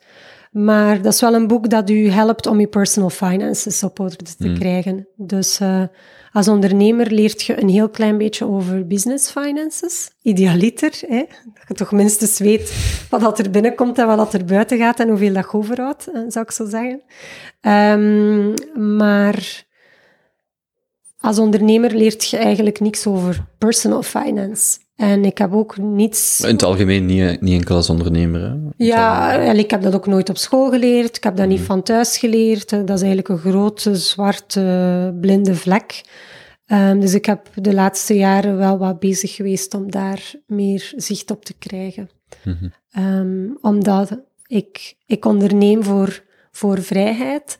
Eh, maar vrijheid koopte ook hè, met geld, unfortunately. Maar dat maakt er nog een deel van uit. Hè. We hebben allemaal een stuk centen nodig om ook gewoon vrijheid te creëren, omdat centen ons tijd kopen. Ehm, en personal finance maakt daar dan natuurlijk wel een deel van uit. Hmm. Maar je moet ook weten waarvan dat geld vandaan komt en waar dat naartoe gaat en hoeveel dat je nodig hebt om op pensioen te kunnen gaan en dat soort van toestand. Hoe ziet een romantische avond bij Lien eruit? Of, me, of met Lien, zal ik zeggen. Met, bij Lien is een beetje vreemd, met Lien. Ehm, dat zal thuis zijn met twee met zelfgemaakt eten en een glas wijn. En misschien een beetje jazz op de achtergrond. ja, kaarsje moet niet. Bloemen hoeven ook niet. aan het strand ergens. Nee, ja. eten en strand gaat voor mij niet zo heel goed samen. Niet zo'n huisje zo aan het strand? Dat wel, Dat dat wel. mag wel. Ja. Ja, Ehm, welk middelbaar vak zou je verplichten? personal finance. Hm. Ik dacht, ik ga wachten met de vraag om, hem- om hem te stellen, want we hebben het er net over gehad. Ik dacht, ik ga eerst wat romantiek eh, introduceren, maar... En dan keihard En dan- terug over geld En beginnen. dan, ja. Ze heeft nu haar zachte kant laten zien. Oh, ik ben zo slecht. Ik dacht, ik ga even over iets anders beginnen en dan kan ik de vraag wat, wat beter stellen. Nee, dus eh, oké. Ja, koken, romantisch koken is volgens mij een vak op school in sommige richtingen. Dus, dus, maar personal finance is denk ik nergens een vak. In geen enkele richting, nog ASO, TSO, BS, BSO. Terwijl, terwijl dat het voor veel mensen hun leven domineert. Hmm. Ehm, dat klinkt misschien nogal gek. En mensen zeggen vaak van, ah, geld dat interesseert mij niet, ik ben daar niet mee bezig. Maar we hebben wel allemaal een job. Hè? Die we voor veel mensen, die we doen voor de centen. Ehm, en oké, we proberen daar dan een andere vervulling ook aan te geven. Ehm, maar au fond, de meeste mensen zouden niet hun job doen, moesten ze het niet doen voor het geld. Hmm. Ehm, daarom denk ik dat het jammer is dat we eigenlijk zeer, dat de meeste mensen zeer weinig weten over personal finance. Van, van een jonge Ik leeftijd. wil daar even binnenpikken. Ik jaag me altijd op wanneer mensen zeggen, ik betaal 50% belasting. Ik zeg, kijk, als jij effectief 50% belasting betaalt, dan verdient je heel veel geld. Mhm. Want de mensen die een gemiddelde belastingsvoet hebben van 50%, En ze beseffen niet dat ze in de categorie 50% zitten. Maar ik zeg, als je echt 50% verdient, dan verdient je 100.000 euro. Ik zou het eens moeten nakijken. Maar dan verdient je 100.000 euro's per jaar. Dus, uh, dus dat klopt niet. Uh. Maar daar, daar zou je wel iets rond doen. Iets meer die, die, die kennis ontwikkelen. Iets meer mensen daarvan bewust maken, neem ik aan. Ja, um, over wat geld is, wat het doet en wat het voor u kan betekenen. En, en dat je niet rijk hoeft te zijn om, om slim met je geld om te gaan, bijvoorbeeld. Want, want dat is vaak de perceptie, perceptie die we hebben. Um, met je geld bezig zijn is iets voor rijke mensen, want rijke mensen hebben geld. Dus ze kunnen ermee bezig zijn. Um, maar ik denk dat dat niet klopt. En, en ik denk dat, of althans, voor, ik kan voor mezelf spreken, hè, want, want ik ben ook van, van, van niets begonnen. ik heb veel fouten gemaakt. Uh, die mij veel geld gekost hebben.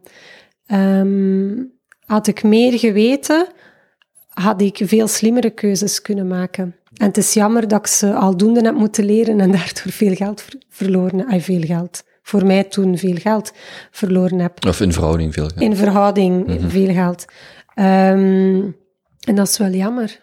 Hm. Want als we, als we slimmer met ons geld omgaan, kunnen we misschien onszelf meer tijd kopen. Veel meer parttime werken, niet meer werken, vroeger op pensioen gaan, whatever. Hmm. Onbetaald verlof nemen en zes maanden door Zuid-Amerika trekken, ik zeg maar wat. Mm ja, whatever. Ja, of, of, of iets. Of je een hele mooie auto kopen als je dat graag wilt. Mm. Of de nieuwste uh, Apple, uh, Mac, weet ik veel wat. Geld is natuurlijk een, uh, altijd een moeilijk onderwerp, hè, omdat het zo persoonlijk is, omdat het zo emotioneel is ook. Um, ja, um, voor mij was dat ook altijd wel zo. En het is, het is om, op het moment dat ik, dat ik die emotionaliteit daarvan heb kunnen wegkoppelen of loskoppelen. Bedoelt gaan, ik ben niet mijn portfolio of ik ben niet ja, mijn vermogen? ik ben niet mijn geld, ik, ik ben niet mijn portfolio, ik ben niet dan alles wat dan dat geld koop, uh, koopt of zo.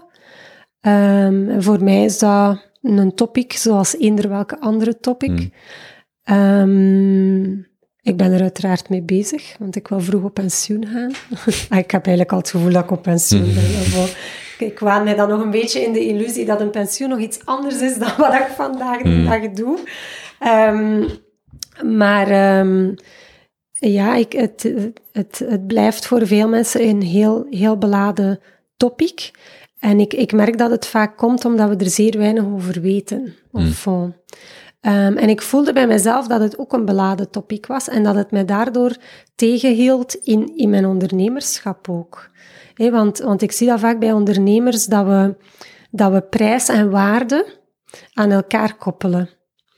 Prijs en zelfwaarde aan elkaar koppelen. Um, we durven niet veel te vragen omdat we denken dat we het niet waard zijn. Um, ja, maar dat durf ik niet vragen. Ze. Daarvoor moet ik nog dat leren en dat diploma hebben en die ervaring hebben en dat gedaan hebben en et cetera, et cetera.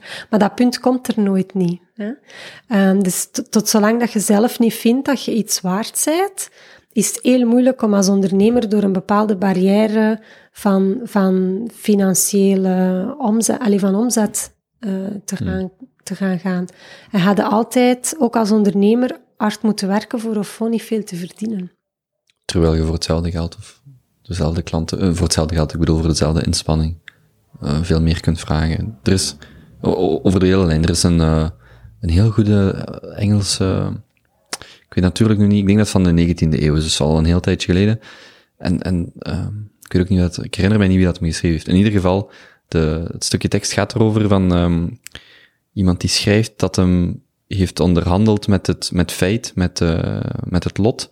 En dat hem heeft ge gesmeekt voor een penny, maar dat dat hem meer gevraagd had, hem ook veel meer gekregen. En het ging erom dat um, als je lage verwachtingen hebt, uh, of, of zo interpreteer ik dat dan, als je lage verwachtingen hebt, gaat je ook nooit iets, iets extra daarvoor krijgen. Maar als je durft vragen, je weet nooit, hè. Uh, weet nooit wat dat, dat uitkomt. Ik vind trouwens ook de, de podcast van Freakonomics Radio. Ik weet niet of je het, eh, behalve de boeken ook de podcast. Mm -hmm. Die hebben ook heel veel, alleen toch regelmatig wel wat podcasts over financiële onderwerpen. En ik vind die ook altijd heel goed, omdat die verschillende, alleen voor, voor iemand die hier naar luistert, of voor uzelf ook, um, omdat die heel verschillende experts aan het woord laten, verschillende uh, visies. En ik vind dat die podcasts ook gewoon heel goed gemaakt zijn. Vrij mm -hmm. kort, uh, heel informatief. Zeg ik er maar bij. stel, je hebt 30 seconden voor een boodschap van algemeen nut. Uh, wat deelt je dan met, uh, met landgenoten? Zoek voor jezelf wat je graag wilt doen en doe het. Oei, dat was minder dan 30 seconden. That's it. Ik heb niet meer te zeggen. Hmm.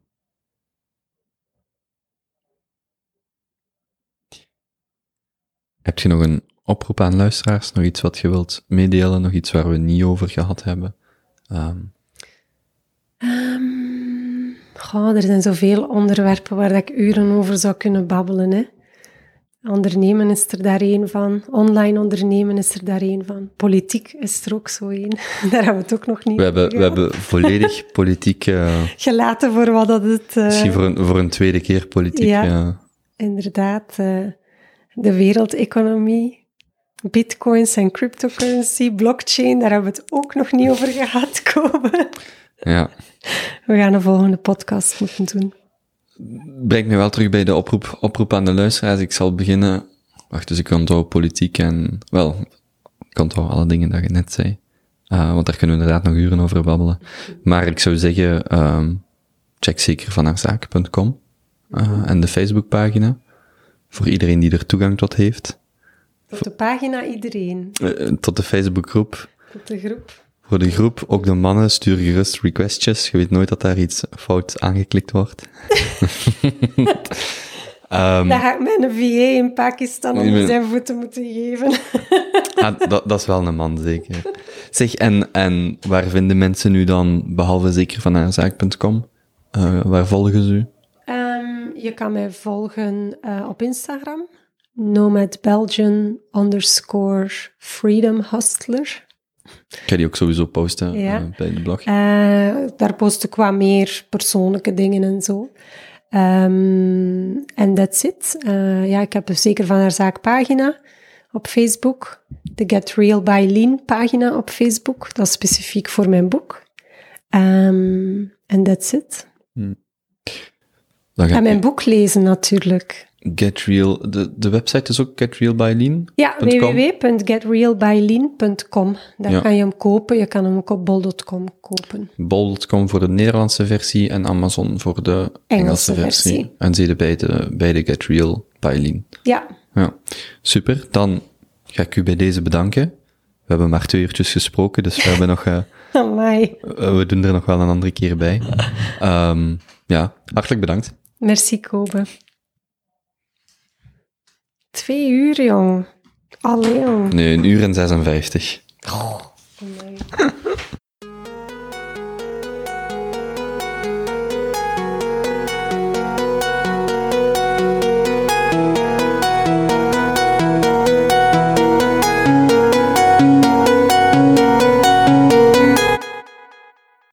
Als je deze aflevering interessant vond, zijn er verschillende manieren om de podcast te steunen. Je kan een review achterlaten op iTunes of een andere podcastspeler, of een opmerking op YouTube plaatsen. Je kan het op sociale media delen en op je eigen blog of podcast bespreken. Je kan de show ook rechtstreeks steunen op kobevanreppelen.be slash steun. Je vindt me ook op Twitter, at. Ik stuur regelmatig een e-mail uit met nieuwe afleveringen, favoriete artikels, boekentips en evenementen die ik met mijn vrienden deel. Schrijf je via kobevanreppelen.be slash nieuwsbrief in en ontvang zelf eentje.